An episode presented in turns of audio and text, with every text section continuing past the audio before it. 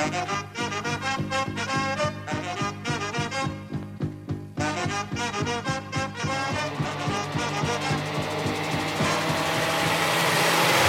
gon' give it to you. Wait for you to get it on your own. X gon' deliver to you. Knock, knock, open up the Słuchaj, ale to jest już tych twórców problem. Branża growa to nie konkurs popularności, ani przedszkola, ani kółko różańcowe. Twardym trzeba być. No właśnie niestety, niestety, Niestety chyba właśnie tak jest, Damian. No niestety No tak się właśnie obawiam. wypuszczanie gier to jest konkurs popularności. I to w pełnym tego słowa znaczeniu. To wojna. To jest wojna. Wojna ze świętami. Tak.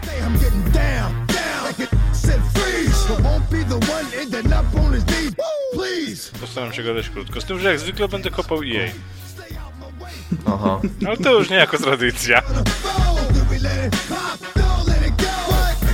Ja p***dolę, jak ja uwielbiam autoodpalanie się filmików na stronach. Dobra, to czekajcie jeszcze, zaraz przyjdę. To mikrofon odepnij. Nie. Ja kiedyś jak graliśmy na PS3 właśnie z tym z WUKO. Graliśmy w Mass Effecta trójkę, ja wstałem, poleciałem między meczami do toalety, no i wiecie, PS3 ma headset na bluetooth, no i go nie wyciszyłem. To ten. Akurat Kuba w tym momencie, hej! Sorry. Mamy 2 stycznia 2017 roku i ze Świnoujścia witam was Marcin Szymański. Z Krakowa Michał Broda? A z Gdyni Damian Kocik. Mamy 28 odcinek podcastem Kwadrat i zamierzamy dzisiaj sobie podsumować trochę rok, który właśnie minął, 2016, Ale nie tylko. ale, Ale nie, nie tylko. tylko. To, to nie będzie temat główny, taki jakiś straszny znowu odcinka. Poza tym ja przepraszam na wstępie za, za to, że mogę brzmieć trochę nieswojo, bo mam znowuż małą infekcję gardła, więc Czyli brzmisz cudzo. disclaimer. Och, dziękuję. Nie cudo, Dobra. cudzo. Cudzo. Brzmisz cudzo. Cudzo. Nie swoje, czyli cudzo. Żeby nie było niejasności, niejasności, to nie był komplement. Tak. Aha, dobra, no to nie. To, to, to w takim razie ja się chowam. Ogólnie 2016 rok był i ciekawym rokiem, i był trochę badziewnym rokiem. Badziewny może z tego powodu, że no zabrało nam trochę gwiazd celebrytów i tak No dalej. nie, tylko nie ty znowu. Tak, właśnie, że ja. To był taki rok jak normalnie, jak nigdy, bo w żadnych innych latach ludzie nie umierają, tylko w 2016 umierali. A no. Tak więc y, tutaj, tutaj to naprawdę był mocny cios. e, dla Podobno dlatego, że Lemi zrobił imprezę. No, podobno tak. Podobno tak, ale zobacz, jakie zaproszenia powysyłał człowieku. Prince, Rickman, Bowie, No, Carrie Fisher. Czekaj, czekaj, czekaj. To było tak, że... Ojej, nie pamiętam, patrz, nie przygotowałem się. Był jakiś taki fajny tekst na temat, na temat, gra- na temat, prawda, głosu Boga, że potrzebny był, że Lemiemu potrzebny był głos Boga, to wyzwał Rickmana. Potem coś jeszcze, nie pamiętam dokładnie. Czyli całe złożenie generalnie takich postaci z tych, tych wszystkich ludzi, którzy odeszli. Tak. Mhm, coś takiego. No, ciekawe. Co chcesz ciekawe. zrobić tą rybą? E, zaczniemy od czego byśmy zaczęli? No może Bardziej, bo, bardziej, bo, bardziej może tak myślę, nie będziemy tutaj przedstawiać jakiegoś takiego schematycznego, schematycznej opowieści tam z wyszczególnieniem różnych rzeczy, które e, miały dla nas jakieś znaczenie w tym 2016 roku, a skupimy się na tych takich podstawowych dla nas ważnych. Na pewno, na pewno też z takich ważnych rzeczy, które wynikły w 2016 roku, to było ogłoszenie przez Elona Muska tego planu jednej dekady, w którym on przedstawił dokładnie, e, dokładnie to, co chce osiągnąć razem z Teslą, ze SpaceX i jeszcze paroma swoimi takimi e, prywatnymi projektami, jak między innymi to miasto solarne, e, oraz tam parę jeszcze takich innych usprawnień, jak jak właśnie nowoczesne baterie, które nie wymagają jakiegoś dużego czasu ładowania, a przechowują naprawdę masę energii. I to... Cieszę się, że jego nie zabiło.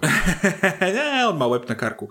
E, I ten, i to, to, to było naprawdę, moim zdaniem, chyba z, z dziedziny nauki takiej, e, no może nie takiej stricte jak odkrywanie tam atomów, jakaś czarna, ten, jakaś, jakaś tam antymateria i tak dalej, e, ale bardziej, bardziej z takich rzeczy, które mogą nam, ludziom usprawnić Czyli w życie. dziedzinie nauki sposób. użytkowej, technologii Tak, użytkowej, o, można o, powiedzieć. dokładnie. Dokładnie. To to też było bardzo ważne. Mm, Ktoś coś jeszcze? Ojej. Z newsów z tego roku, z, z najważniejszych rzeczy tego roku. No oczywiście, no wyszedł nowy iPhone. A, to tak. Zapomnielibyśmy. No tak, bo to jest jedyny rok, w którym to się zdarzyło w No sumie. pan, także. Nie, właśnie w tym momencie mi nie przychodzi do głowy i jak mi się coś przypomni, to jak najbardziej. Może przejdziemy po prostu do, do, do, do gier, tak? To poczekaj, to ja jeszcze, to ja jeszcze nawiążę do takiej jednej rzeczy, bo to się, to się co prawda pojawiło w 2015 roku, ale e, rozwój e, technologiczny tej rzeczy, o której zamierzam zaraz powiedzieć, trwa nadal i będzie trwał do 2020 roku. A chodzi tutaj o mm, robota, którego wypuściła Yamaha. Nazywa się to to ustrojstwo Motobot. E, jest on e, stworzony typowo do tego, żeby testować e, motocykle, testować ich wydajność, testować ich mo możliwości, testować przede wszystkim też bezpieczeństwo tych motocykli. Jest to robot, który wygląda jak człowiek w takiej siedzącej pozycji na motocyklu. Ale fajne. Mhm. Jest to całkiem fajna sprawa.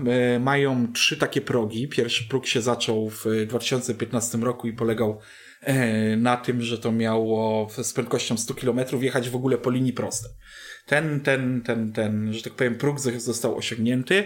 E, w 2016 roku podrasowywali dosyć ostro ten, tę, tę całą technologię. Bodajże chyba Valentino Rossi nawet miał jakiś tam udział przy, przy, przy tworzeniu zachowań tego motobota.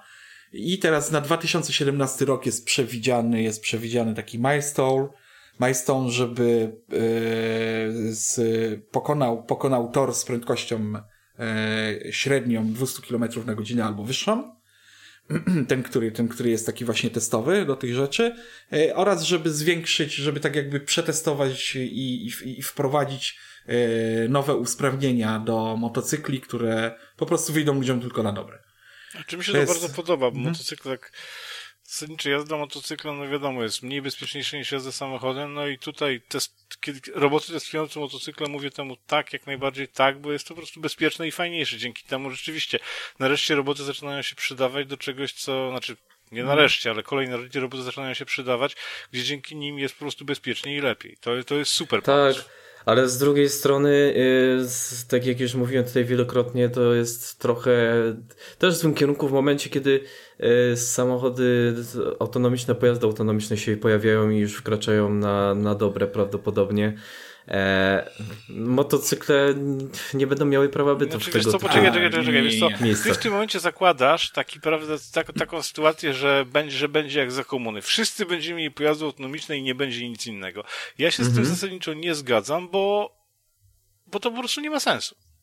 Jak to nie ma sensu? Dlaczego Słuchaj, nie? w jaki sposób? Ja rozumiem, że to jest, to jest, widzisz, to jest piękna idea, że wszędzie pięknie, bezpiecznie itd. itp. Ale jak przekonać wszystkich ludzi na Ziemi, co do mm. jednego, wszystkich, żeby używali tylko i wyłącznie samochodu autonomicznych? Ale rozmawialiśmy, przez, rozmawialiśmy już przez, o tym. Przez jedną, jedyną firmę.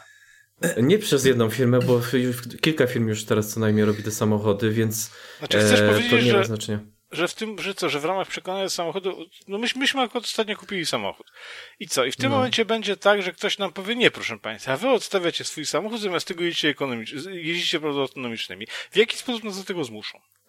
Dla, ta, tak jak wszystkie inne zmiany, które były w historii, czyli za pomocą prawa, yy, które to będzie regulować. To znaczy, jeżeli były wcześniej na przykład samochody, które yy, wydzielały szkodliwe związki, tak, spalinowe, no to y, pojawiały się, zaczęły się pojawiać no, dobrze, pewne, dobrze, czekaj, na pewnym etapie czekaj, prawa. Czekaj, ale ty nie porównuj, nie porównuj, wiesz, szkodliwości spalin do aż takiej rewolucji. Ty w tym momencie... Ale dlaczego nie? To tak samo wszyscy musieli zmienić samochody. W, tym momencie wszystkie samochody praktycznie albo 99% jeżdżących y, spełnia jakieś normy No e, tak, ale widzisz, ale to w tym momencie to, o czym mówisz, że nagle, nagle wiesz, to, o czym mówisz, to jest taka rewolucja, jakiej mam wrażenie jeszcze no, nie było. Ale, Wszystkie te normy poczekaj, poczekaj, były, zmieniane, były zmieniane płynnie, a ty w tym momencie mówisz, tak, że nagle, nagle ja stanie mówię, jakiś prawda, Stalin i stwierdzi, nie, towarzysze, wyrzućcie swoje samochody, dzisiaj, prawda, jeździmy, wszyscy jeździmy autonomicznymi samochodami. No, ale to nie, no to nastąpi zdaniem, płynnie, to, nastąpi jest... płynnie, ale właśnie za pomocą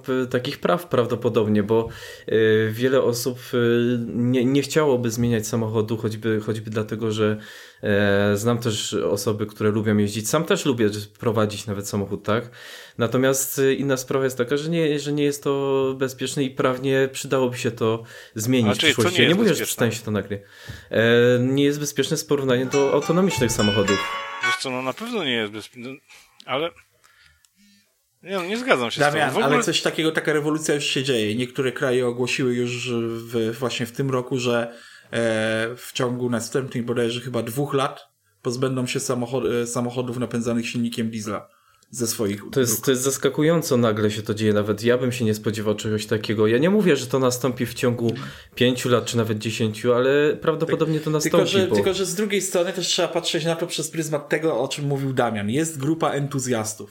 Znaczy nie tylko no ja też o tym mówię. Panowie, podstawą tak. kapitalizmu jest własność, a wy chcecie ludziom tą własność, czy nie wy. Ci, którzy zwolennicy samochodu autonomicznych chcą ludziom tą własność odebrać. Ale nie, no mówię ci, przecież przykładowo samochody, yy, przykład ze spalinami, e, samochody, normami spalinowymi, to jest to sa ta sama sprawa. Przecież to jest to nie jest rewolucja. ta sama sprawa. Bo ty Dlaczego nie? Jeżeli mówisz, wszyscy musieli będzie, wymienić samochody. Ty w tym momencie mówisz, że nie będzie, że, znaczy czekaj, samochody autonomicznych, ale czy to będzie tak, że będą samochody autonomiczne komunalne, miejskie, takie, że wszyscy będą mogli nie, używać, no, czy kupujesz sobie po prostu, kupujesz sobie auto, które jest w stanie To będzie w standardzie po prostu. To będzie w standardzie niedługo. Tak jak znaczy, teraz, jak masz, tak jak teraz masz na przykład GPS. No, autonomiczność skanery, autonomiczność samochodu będzie Ale czekaj, czekaj, czekaj, czekaj, czekaj. Jeżeli w tym momencie mówisz, że my zamiast naszego samochodu kupimy samochód autonomiczny, to ja się z tym w pełni zgadzam. Natomiast par, parę odcinków temu bardzo lansowałeś teorię, że będą samochody autonomiczne miejskie, gdzie prawda ja sobie podjadę do pracy, wysiądę, a ktoś z mojej pracy go weźmie i pojedzie sobie na zakupy. Tak, tak. Takim... Też, ale to bez znaczenia. Ale na Nie, to ma wielkie znaczy. znaczenie. Właśnie Michał, no, to ma właśnie największe znaczenie. O, to skupiamy, się, tutaj, skupiamy, bo... się, skupiamy się na kompletnie nieistotnych rzeczach.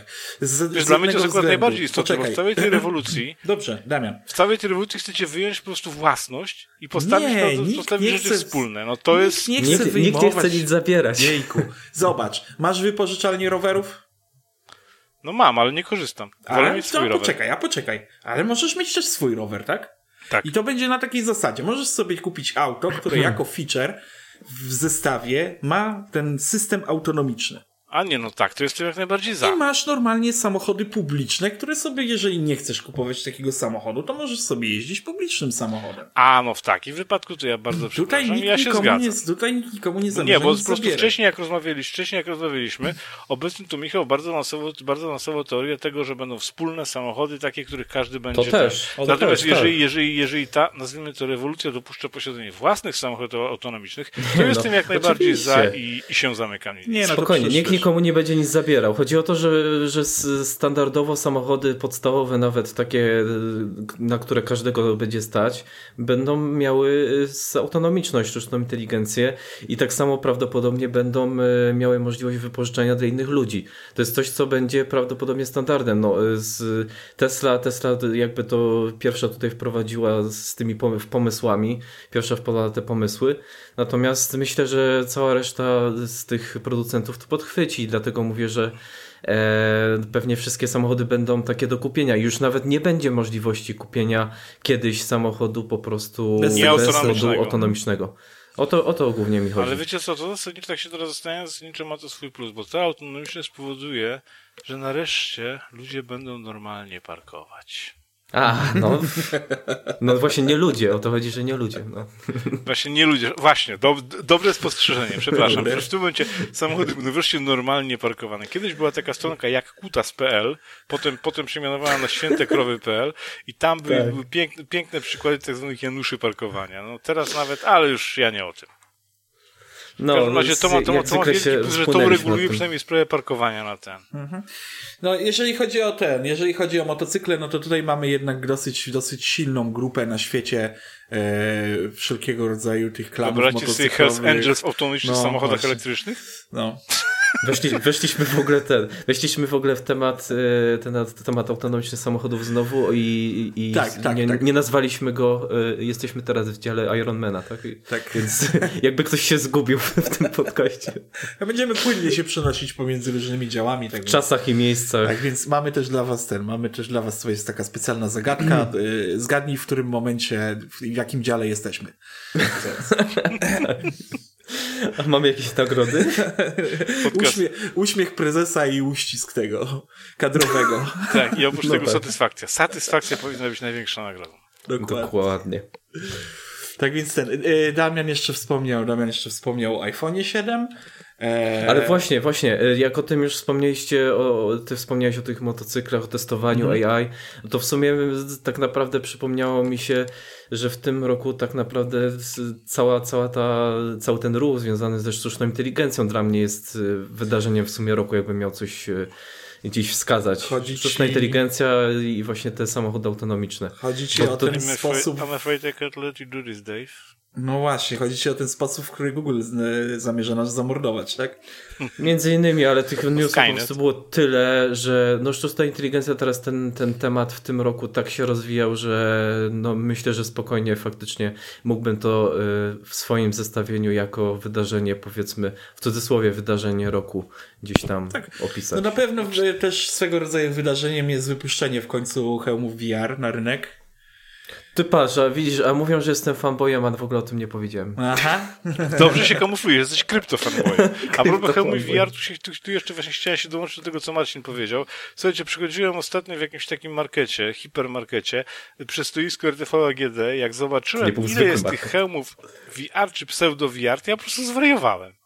Tak? Tak, no, tylko wiesz, no. ja podejrzewam, że to się ma tak na przykład, wiesz, że to się tak ma na przykład do Oculusa czy do tego HTC Vive, jak powiedzmy, nie wiem, kurczę, maluch do, maluch, nie wiem, do jakiegoś do dużo lepszego samochodu, ale... Znaczy, tak, właściwie to, to... szczerze mówiąc nie zwróciłem uwagi, znaczy one gdzieś tam co? stoją e, w markecie? W jakim markecie konkretnie? Eee, dobra, krypto, krypto reklama, poproszę kod zniżkowy na ten. Yy, w Oszonie.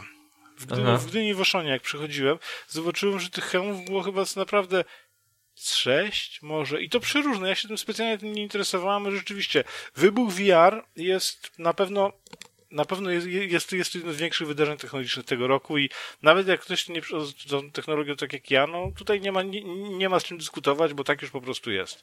Znaczy ja podejrzewam, że tam sprzedają te takie cardboardy i stelaże pod wiesz telefony. Co, nie, ale to, znaczy wiesz co, może, nie? ja się temu nie przyglądałem, ale to wyglądało A w jak... jakich cenach, pamiętasz? Co ci się rzuciło w oczy? ojej, wiesz ja tylko tak Mniej więcej? Spieszyło mi się. Czy wiesz co inaczej? Umówmy się tak, że ja postaram się na kolejny odcinek, jak będę, no zrobić, jakiś, zrobić jakiś taki krótki, ten, krót, krótki, prawda, raport, jak to wygląda, ale wydaje mi się, że to było kilkaset złotych i ja mam wrażenie, że to jest coś takiego, jak przegląda, jak yy, ty, Michał, mówiłeś, że jak są jakieś takie gogle, mają coś takiego, że po prostu zamiast patrzeć na monitor, patrzysz w Google. To jest ten tryb, tryb, jak on się nazywa? Eee, Wiesz o co znaczy mi nie chodzi. Do końca wiem, nie do końca właśnie wiem o co ci chodzi. Bo jest coś takiego, że normalnie jak masz, jak używasz Google VR, to wchodzisz, masz, masz ten tryb taki typowo VR, a masz ten, ten tryb taki, w którym filmy oglądasz. Mhm. Ten tryb, no. który zastępuje ci zwykły wyświetlacz. Ja mam wrażenie, to że tak, to jest to. tak, desktopowy. O, Z, masz możliwości, masz możliwość właśnie. po prostu.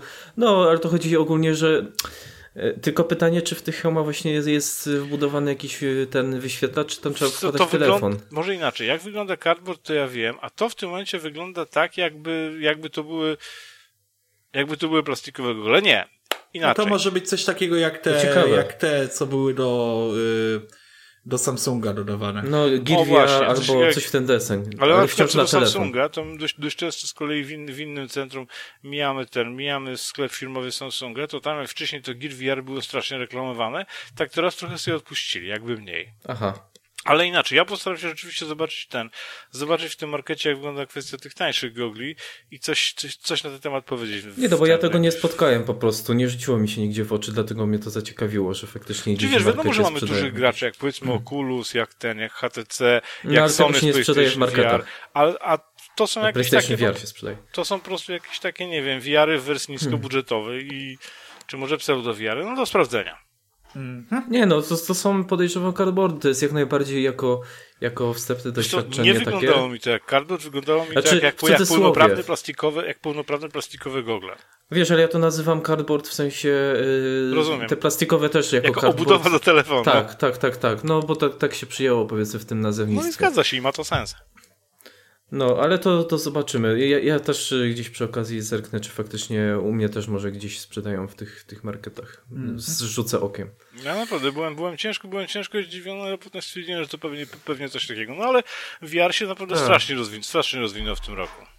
Mhm. Przecież premiera Jeszcze... PlayStation VR, czyli, czyli pierwszy ten, pierwszy oficjalny VR na konsolach, zresztą PlayStation no, VR można używać Choć niestety słabo się to sprzedało. W tej, PlayStation w tym VR niestety. Desktopu nie, nie poszło dobrze sprzedaż. Wiesz co, moim zdaniem, Tylko mówię już, czy może inaczej, nie bierzcie tego, co powiem jako hejt, bo ja no jak nie wiadomo, nie jestem fanem VR, ale staram się, tak, staram, tak. Się, staram się traktować to w miarę obiektywnie.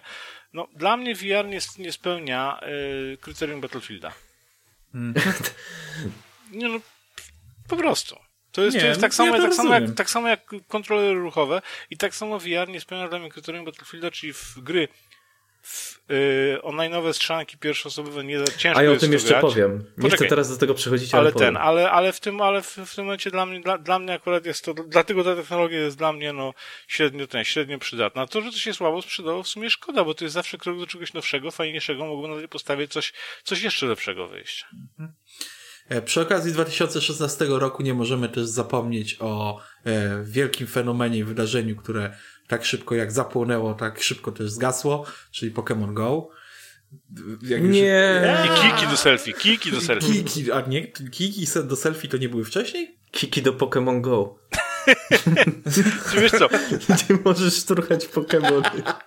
Ja kiki do selfie tak, tak, tak, tak najczęściej widywałem w zeszłym roku, ale ten, ale no... Nie, na pewno były wcześniej.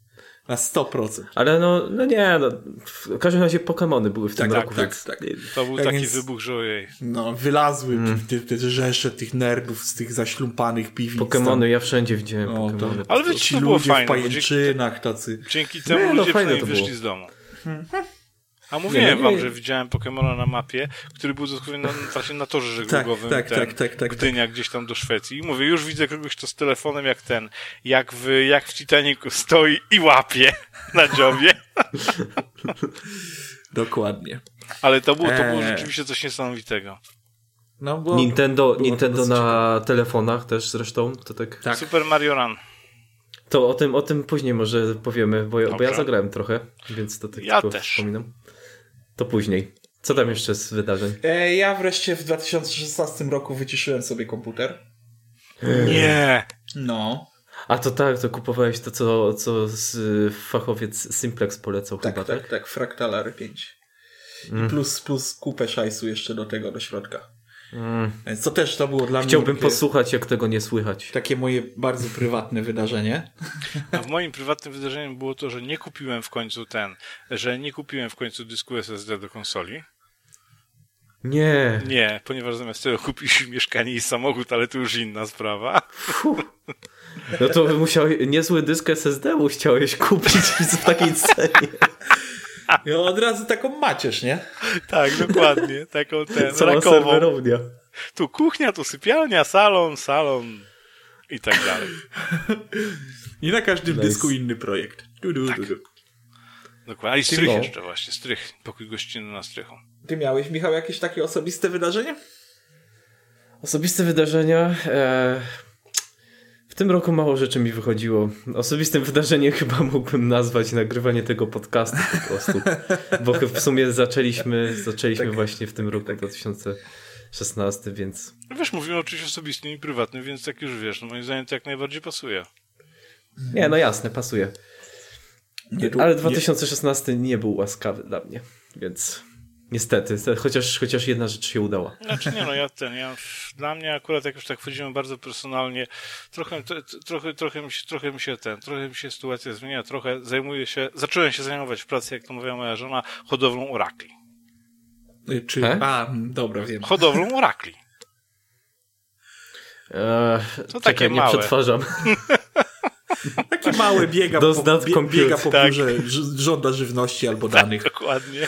Żąda A. żywności, żąda, żeby A. je do, tab do tabel wrzucać, porządkować i tak dalej, i tak dalej. No. Okej. Okay, Więc okay. powiem wam szczerze, ja naprawdę jest to, jest to hodowla orakli, jest to świetna sprawa i bardzo chciałbym się tym dalej zajmować, dalej, da, dalej głębiej, mocniej w to wchodzić.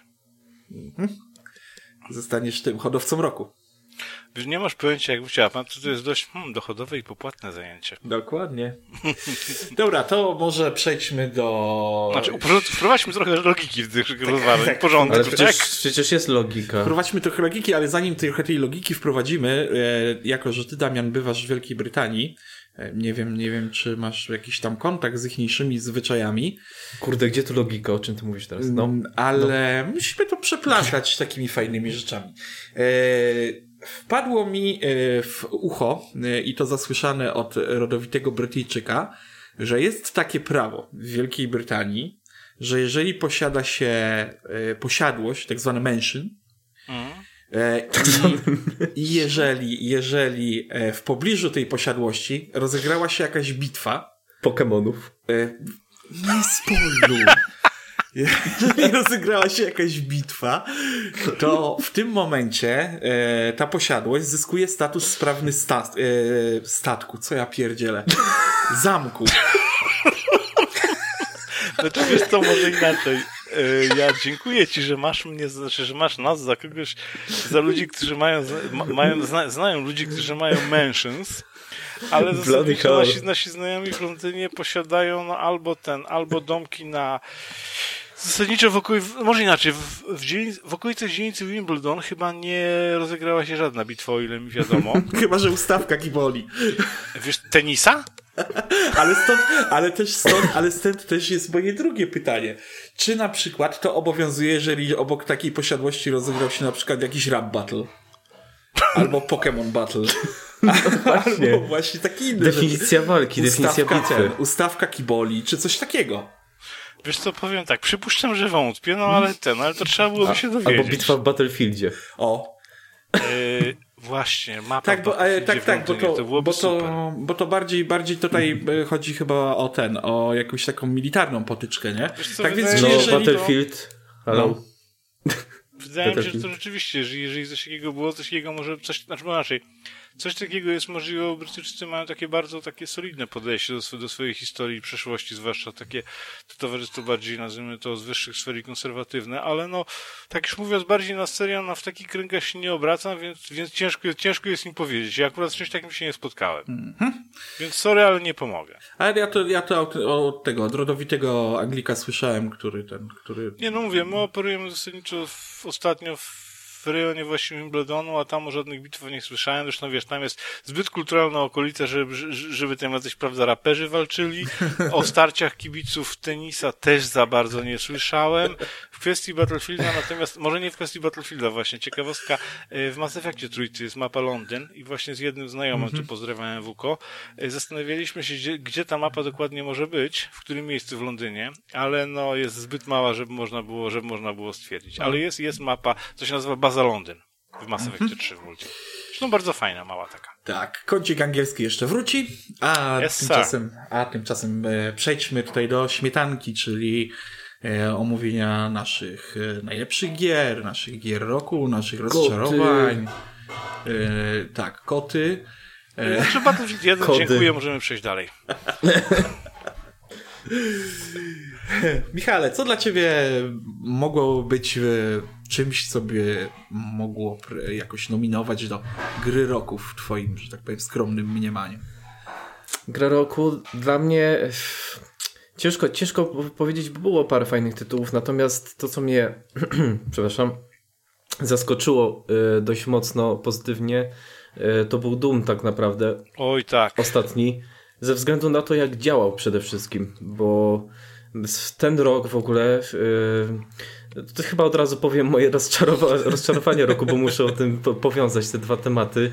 Ten rok był fatalny pod względem działania gier. Po prostu to, co widziałem na, na PC, jak, jak te tytuły wychodziły niedokończone, niedopracowane, niezoptymalizowane, to jest y, tragedia. Nie przypominam sobie, żeby było y, tak źle w ostatnim roku. I Doom tutaj pokazał, że jednak da się zrobić super działającą grę, która fajnie wygląda. I to dla mnie z tego powodu uważam zasługuje na to miejsce gdzieś, gdzieś na podium przynajmniej i że dlatego chciałem to, to, to wyróżnić. Tak, tak. Zresztą tak naprawdę e, Battlefield, który wspomniałeś też dobrze działał i też był nieźle zoptymalizowany, więc e, spokojnie znaczy, mógłbym go też tutaj troszkę pospierał, bo w Battlefieldzie e, świetnie działało sama gra. Jak wszedłeś do gry, to to w miarę działa, natomiast to, co jest dookoła nie działa tak dobrze, no to poniekąd tradycja i, i ja nie o tym. Mhm. No, to w każdym razie jest mój typ. Damianie? Wiesz co, u, znaczy u mnie jeżeli chodzi o grę roku, no cóż, ja jestem Battlefieldowcem, więc wybór może być tylko jeden. Battlefield 1 to było naprawdę coś pamiętam, że zabawne było to, że najpierw w tą grę niespecjalnie wierzyłem, ale jak zagrałem w betę, to po prostu mnie wyssała, bo nie sądziłem, że uda im się dobrze dobrać, to, dobrze dobrać yy, tą epokę, dobrze to oddać wszystko i tak dalej, że będzie za mało, za mało broni, sprzętu i tak dalej, i tak dalej. I owszem, no wybrnęli tak jak wybrnęli, ale jak dla mnie w Battlefield gra mi się wyśmienicie i nawet doszło do tego, że w ramach postanowienia na koniec zeszłego roku doszedłem do, wbiłem 60, 60 rangę jeszcze, jeszcze w zeszłym roku, więc tak po prostu, żeby to jakoś ładnie zakończyć. Natomiast jeszcze a propos wyróżnień w tej kategorii, na pewno Overwatch, świetne multi. Mhm. To było multi, które przed Battlefieldem wyssało mnie bardzo. Zresztą to jest Blizzard i zrobili to w sposób naprawdę świetny. Sposób. Jest to kolorowe, ładne, sympatyczne, ale nie podpada, nie podpada w infantylizm. Jest to naprawdę coś niesamowitego. No i ten świetny mechanizm tego, że możesz w trakcie rozgrywki zmieniać sobie postać. I, tak, i, tak, to i, jest super. zupełnie jakby płynnie reagować na to, co robi twój przeciwnik. Tak, to jest super. No i tak, tak się zastanawiam, patrzę właśnie na, na, na, na listę jeszcze tego, co grałem w tym roku, nawet, nawet coś jeszcze chyba miałem. Może ten, no, znaczy Doom jest też, Doom był też świetną niespodzianką, bo nie spodziewałem, czy może nie spodziewałem się, że wyjdzie im to tak dobrze. Wyszło nie tak, jak się spodziewałem, wyszło trochę inaczej, ale wyszło po prostu super i bardzo, bardzo mi się to podoba. Czekam na dwójkę z pod tytułem Hell on Earth. E, jeżeli o mnie chodzi, to ja mam wielki problem, bo dla mnie chyba tylko i wyłącznie Doom był, był dosyć blisko tego, żebym mógł powiedzieć o tym, że to jest dla mnie najlepsza gra roku. Cała Też. reszta, cała reszta tak średnio.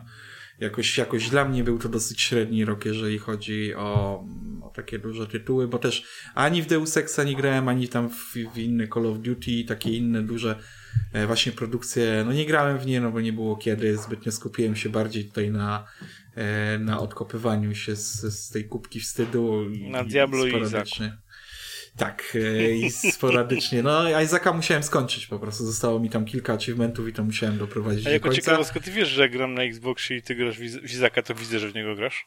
Mhm. A dlaczego? Co? No bo, bo tak, bo jest, to, bo, bo jest to w tym momencie przejście do tak zwanej Universal Windows Platform. Jak Marcin gra na Windowsie, ja mam Xboxa, który jest też od Microsoftu, tam też nie jest, ten, ten system nie jest oficjalnie nazwany Windowsem, ale widocznie coś tam z Windowsa jest, ponieważ no, ale, widzę. Ale zaraz, zaraz, przecież Bo... E, ty mówisz, że Isaac, tak? Tylko, że ja mam go pod Steamem. No właśnie, dlatego no. się zastanawiam. No wiesz, nie wiem, screena wam mogę zrobić, ale autentycznie. Okay. Ale ja, Nieraz przecież mam, mam, mamy się w znajomych, Marcin, mm -hmm, na tym, mm -hmm. na mhm. Xboxie. Właściwie już, można powiedzieć na koncie Microsoft. Może no tak no wiadomo, być, może gry, tak być. gry Microsoftowe jasne, tak. ale Steamowe pierwszy raz Może słyszę. on tak jakoś robi. E, to sprawdzimy. ale nie, ja, ja widzę, ja, nie, ja widzę tak, Marcin, widzę jak grasz w Diablo trójkę i widzę jak grasz w Izaka. Ale ja, ja. O, ciekawe. To, to, to, uwaga, y, to jest moje zaskoczenie roku. nie, najświeższe przynajmniej, a, ale to wrócimy zaraz. Jest jeszcze jedna rzecz, ale nie wiem, czy mogę, bo to już jest po prostu przesada, ale, ale jeżeli miałbym jeszcze cokolwiek zbliżyć do tego Game of the Year, no to zdecydowanie jest to dodatek do Wiedźmina Krew i Wino. Aha, no pewnie, pewnie zasługuje. Ja jeszcze nie przechodziłem, więc A mogę tylko niestety wierzyć. To jest, to, jest, to jest mój osobisty, prywatny mały fail roku, bo tak ja w ogóle jestem na urlopie od 22 grudnia do 9 stycznia. 9 stycznia hmm. dopiero idę do pracy i tak sobie zaplanowałem, że to lub spędzę z Wiedźminem, że sobie właśnie to krew i wino przejdę, ale tak jakoś wiecie, no ta pierwsza wojna światowa i tak, tak tego Wiedźmina Ta, ale ja, ja mam to samo. Tylko wiesz co, e, właśnie e, to jest, to jest ten problem. Trzeba się czasem przełamać, bo, bo, bo warto. Bo ja też wolę czasem pograć w jakieś online'owe tytuły, e, mimo że gram non-stop właśnie w różne tego typu gry, to też, też Wiedźmina gdzieś tam odkładam i to mi się tak przedłuża, ale jak już zasiądę do niego, to, to nie żałuję. Tylko, że widzisz, ja Wiedźmin, dla mnie Wiedźmin, ta, ta gra to jest coś takiego jak czytanie dobrej książki. To jest mm -hmm. coś, gdzie możesz sobie po prostu... Bo nawet takiego na przykład Battlefielda, czy nie wiem, Overwatcha mogę siąść na parę minut, przejść, pyknąć, pyknąć parę meczyków, no nie, akurat mecz Conquest Battlefield to około pół godziny, no ale hmm. wiecie, mogę siąść powiedzmy na ten, na, na 15 minut, pyknąć meczyk w dominacji, wstać i nie wiem, pójść gdzieś. A tutaj to jest z kolei taka gra, gdzie no już trzeba siąść, tak można powiedzieć, na dłużej, na tą przynajmniej, przynajmniej godzinkę, dwie, trzy, żeby jakoś tak dać, dać się ten, czuć ciągłość tej opowieści, wczuć się w nią po prostu. Mhm, dokładnie. Ja tak sobie też, też dawkowałem sobie tego Wiedźmina, bo przechodziłem go podstawkę od samego początku też. Mhm. E, I, I razem potem te serca z kamienia i tak dalej, i tak dalej. E, I też właśnie podchodziłem do tego mniej więcej tak, że tak jakbym planowałem sobie, planowałem sobie tam w ciągu dnia albo w ciągu nocy, jak miałem ten wolny czas, żeby chwilę pograć, to tak sobie starałem to rozplanować, żeby traktować to tak jakby granie rozdziałami książki, nie? Dobra, to dzisiaj zrobimy sobie fragment tam z Baronem. I nie nastawiałem, nie nastawiałem się na to, że po prostu będę ciągnął wątek dalej i leciał dalej z wywieszonym jęzorem, tylko po prostu tak jakby dochodziłem do momentu, gdzie ten, gdzie, gdzie, gdzie stwierdziłem, że okej, okay, już teraz, już teraz kończę i zawsze starałem się to zamykać takim czymś, żebym miał potem ochotę dalej grać, nie? Mhm. Ale to swoją drogą udało ci się chyba spełnić swoje tak, założenie, tak? Tak, tak, tak. tak. Założenie... Marcin mi mówił miesiąc temu, że będzie przechodził Wiedźmina w grudniu i że go przejdzie, to mu nie wierzyłem, ale faktycznie chyba przeszedł. Dało radę, dało radę. No tylko wow. ten, tylko oczywiście nie robiłem tych, nie robiłem ani zleceń wiedźmińskich, nie. E, ani misji poszukiwań i nie robiłem też, nie zrobiłem ani jednego znacznika na mapie. Eee, to takie przechodzenie Wiedźmina. No to ty, no to, to stary, no to przecież tak to ja bym jeszcze w tej podstawce tkwił. Zasadniczo tak. No. Zasadniczo tak. No nie tak. A je, bo... Ile mniej więcej godzin ci zajęło takie, to sama główna, powiedzmy, sam główny wątek wnioskuje, tak? Nie mam pojęcia. Co, ja wam mogę powiedzieć, to gdzieś tu, gdzieś tu chyba jeszcze to mam. Ile mnie, tylko niech, nie, niech co znajdę, ile, ile mnie zajęło granie w Wiedźmina, bo gdzieś to tu chyba, bo gdzieś to chyba powinno być, ale no ja starałem się ten, ja starałem się coś, nie robić wszystkich znaków zapytania, bo jak zobaczyłem ile ich jest, to w tym momencie sobie odpuściłem, ale... No, niektórzy jeszcze przeżyli ten Welen, ale Skellige wszystkich prawie dobiło. Tak, dokładnie. Szczególnie z tym dobrym nurkowaniem, nie? O, nie, jest. Tak, nie, nurkowanie, nie, nie, nie widzę, musiałbym w tym momencie konsolę włączyć, bo tutaj na ten na, na, stron, na stronie nie widzę, ile mi to... No, grałem, ty, grałem gdzieś 30 dni po mniej więcej dwie godziny dziennie, no. Aha, A no czasami to... zdarzały się dłuższe sesje, bo na przykład w nocy spać nie mogłem, to siadałem i do rana grałem, nie? No, dlaczego nie? Ale tak zawsze tą rozgrywkę starałem sobie dzielić tak na takie swoje malutkie podrozdziałiki, że dzisiaj na przykład robimy tego questa i tego questa i nic więcej. Nie ma żadnego zbędnego szwendania się, tylko jesteśmy skupieni na konkretnym celu i ten cel doprowadzamy do końca. Rozumiem. Dobra, to, to ustalmy. Wiedźmin gra rok. No Wiedźmin, znowu, trzeci rok z rzędu. To nie w pełni zasłuży. Naprawdę... Po, raz, po raz trzeci rok z rzędu, czy któryś tam, tak? Tak, tak ale wiecie co, dla mnie, jeżeli, jeżeli ja nie jestem fanem gier, tak zwanych CRP gier i tak dalej, bardziej strzanki, ale jeżeli w tym momencie jakieś Battlefieldy i te inne rzeczy leżą odłogiem, bo niżej podpisane gra w Wiedźmina, no to wiedz, że coś się dzieje, wiedz, że ta gra jest mm -hmm. naprawdę czymś niesamowitym. Nie, no to było mówione wielokrotnie i to tak samo ja bym powiedział, że wyznaczyła, wyznaczyła ta gra standardy po prostu RPGowe i nie tylko i oprócz nurkowania, oprócz nurkowania jeżdżenia tak. koniem. Tak. No nie no, to nawet było tak, że no, Assassin's Creed nie wyszedł w tym roku, tylko nowy, tylko planowali w przyszłym roku zrobić jakiegoś takiego lepszego no. i inspirowanego Wiedźminem podobno. Tak no zobaczymy, zobaczymy. No teraz y, bardzo dobrze, no. Niech twórcy się inspirują Wiedźminem, bo to jest dobry wzorzec.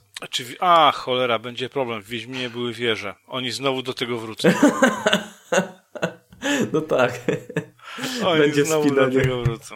Będziesz się wspinał po Ksenfurcie i Nowigradzie. Tak, ale, dokładnie. Ale tam przynajmniej się fajnie... To, to by było akurat całkiem niezłe połączenie może. Chociaż Wiedźmin wspinający się gdzieś tam po dachach, nie hmm. wiem po co. Możesz spokojnie wejść na dachy niektórych budynków. Możesz. No tak, tylko że jak zeskakujesz, to się zabijasz. No, Wiedźmin, tak, tak, zeskok z tak. 3 metrów zabija Wiedźmina. No ale mi z tym. Dobra, co to, da, dawaj następne e, jeżeli, kategorie. Jeżeli na przykład chodzi o moje rozczarowanie w tym roku, to mam dwa rozczarowania. Jedno jest e, rozczarowaniem związanym z grami, a drugie z moim innym hobby. Zacznę może od tego innego hobby. Hmm Jestem bardzo rozczarowany swoją postawą w tym roku i tym, że kupiłem tylko i wyłącznie dwa zestawy Lego. I to, kiedy się kupuje zestawy Lego po 1000 zł i więcej, no to to nie jest Poczekaj, to właśnie, to właśnie nie były takie zestawy, które ten, które były dosyć duże i tak dalej, tylko to były dwie figurki. Jedno to był Kylo Ren, a druga to była Kapitan Phasma. Kylo Ren, moja ulubiona księżniczka Disneya. Mhm. Księżniczka Peggy, Peggy 18. Tak. Czy ile tam? Te, te, te, tak. te Peggy tam były śmieszne z tymi figurkami. E, planowałem, planowałem, planowałem zakup e, kilku, kilku rzeczy e, z Rogala 1. E, ale niestety jakoś, jakoś mi się to, mi się to nie, ten, nie, nie zgrało w czasie i de facto też by zaczęło mi brakować miejsca na ustawianie tego wszystkiego. E, tak więc ten, tak więc muszę już podjąć naprawdę dosyć poważne środki, żeby znaleźć, znaleźć e, jakiś nie Rozumiem, wiem, czyli przekuwasz, czyli przebijasz ściany i anektujesz pokój Tak, no najprawdopodobniej. Aneksja. Tak. Tam Aneksja jest, sąsiada. Tam jest chyba pokój dzieci, tak więc trudno. No, Modele dzieci małe dużo miejsca nie potrzebują, dasz radę. No. To aneksja dzieci też. Tak, nie, idź pan w cholerę. Ewentualnie zawsze możesz zrobić pawlacze albo takie półki pod całym sufitem. Jak mieliśmy nasze no właśnie... mieszkanie tu w Gdyni, czy nie, jeszcze w Gdańsku, tu parę mieszkań temu, to chcieliśmy zrobić tak, jakbyśmy nie mieli miejsca na półki, tak po prostu książki na półkach pod sam, tak wysoko pod sufitem. Właśnie zauważyłem, y, są tutaj do kupienia w, w takim jednym sklepie, są takie fajne półeczki, które ak akuratnie mi się jeden model mieści na takiej półeczce. Wiesz, i, i tak ewentualnie też można zrobić, tak. bo nie będą wtedy tak fajnie wyeksponowane, no ale można. No, to, to ten, to, to jest, to jestem, jestem rozczarowany po prostu swoją postawą, jeżeli chodzi o Lego. Obiecuję poprawę w tym 2017 roku. Też jestem e, rozczarowany twoją postawą. Tak, e... dokładnie. Jak mogłeś? Hmm, powinien się jeszcze Vader pojawić obok i zacząć mnie dusić. e, a drugie moje rozczarowanie to jest niestety gra, na którą bardzo, ale to bardzo liczyłem. I po, po, po, po, początkowym... Po poczo Super Mario Dobra, sorry, sorry. Po, po początkowym zachwycie i zachłyśnięciu się tym, co jest w tej grze, e, nadciągnęła niestety, nadejszła, nadejszła ta chwila, kiedy wszystko mi opadło, dosłownie padł mi wypadł z ręki, stwierdziłem, że nawet tego nie skończę, a mówię tutaj o Mafii 3. O. Jeżeli, to, to można przy, podać, to nawet w podręcznikach się powinno znaleźć jako przykład pięknie zwalonego potencjału. No zresztą y, to się kwalifikuje też do mojego rozczarowania, o którym mówiłem, niedziałających dobrze gier. Ja akurat w mafię nie grałem, a w żadną mafię nie grałem, ale tutaj rzeczywiście z tego co się słyszy, no to to zawód nawet, na całej linii. Nawet mi nie chodzi o to, jak ona działała, ale chodzi mi o to, że wszystko poza wątkiem głównym jest kompletnie skaszanione. Tak. Czarno to widzę innymi słowy. Mhm. Mhm. Dokładnie. Oj, minuta ciszy dla Mafii. nie przesadzajmy, bo nie mamy aż tyle czasu. Tak, Damian, dobra. twoje rozczarowanko. Yy, niestety Titanfall 2. Z przyczyn, o których już mówiliśmy, myślałem, myślałem że po prostu nie. zrobią bigger, better, more badass, a zrobili po prostu no niestety cof...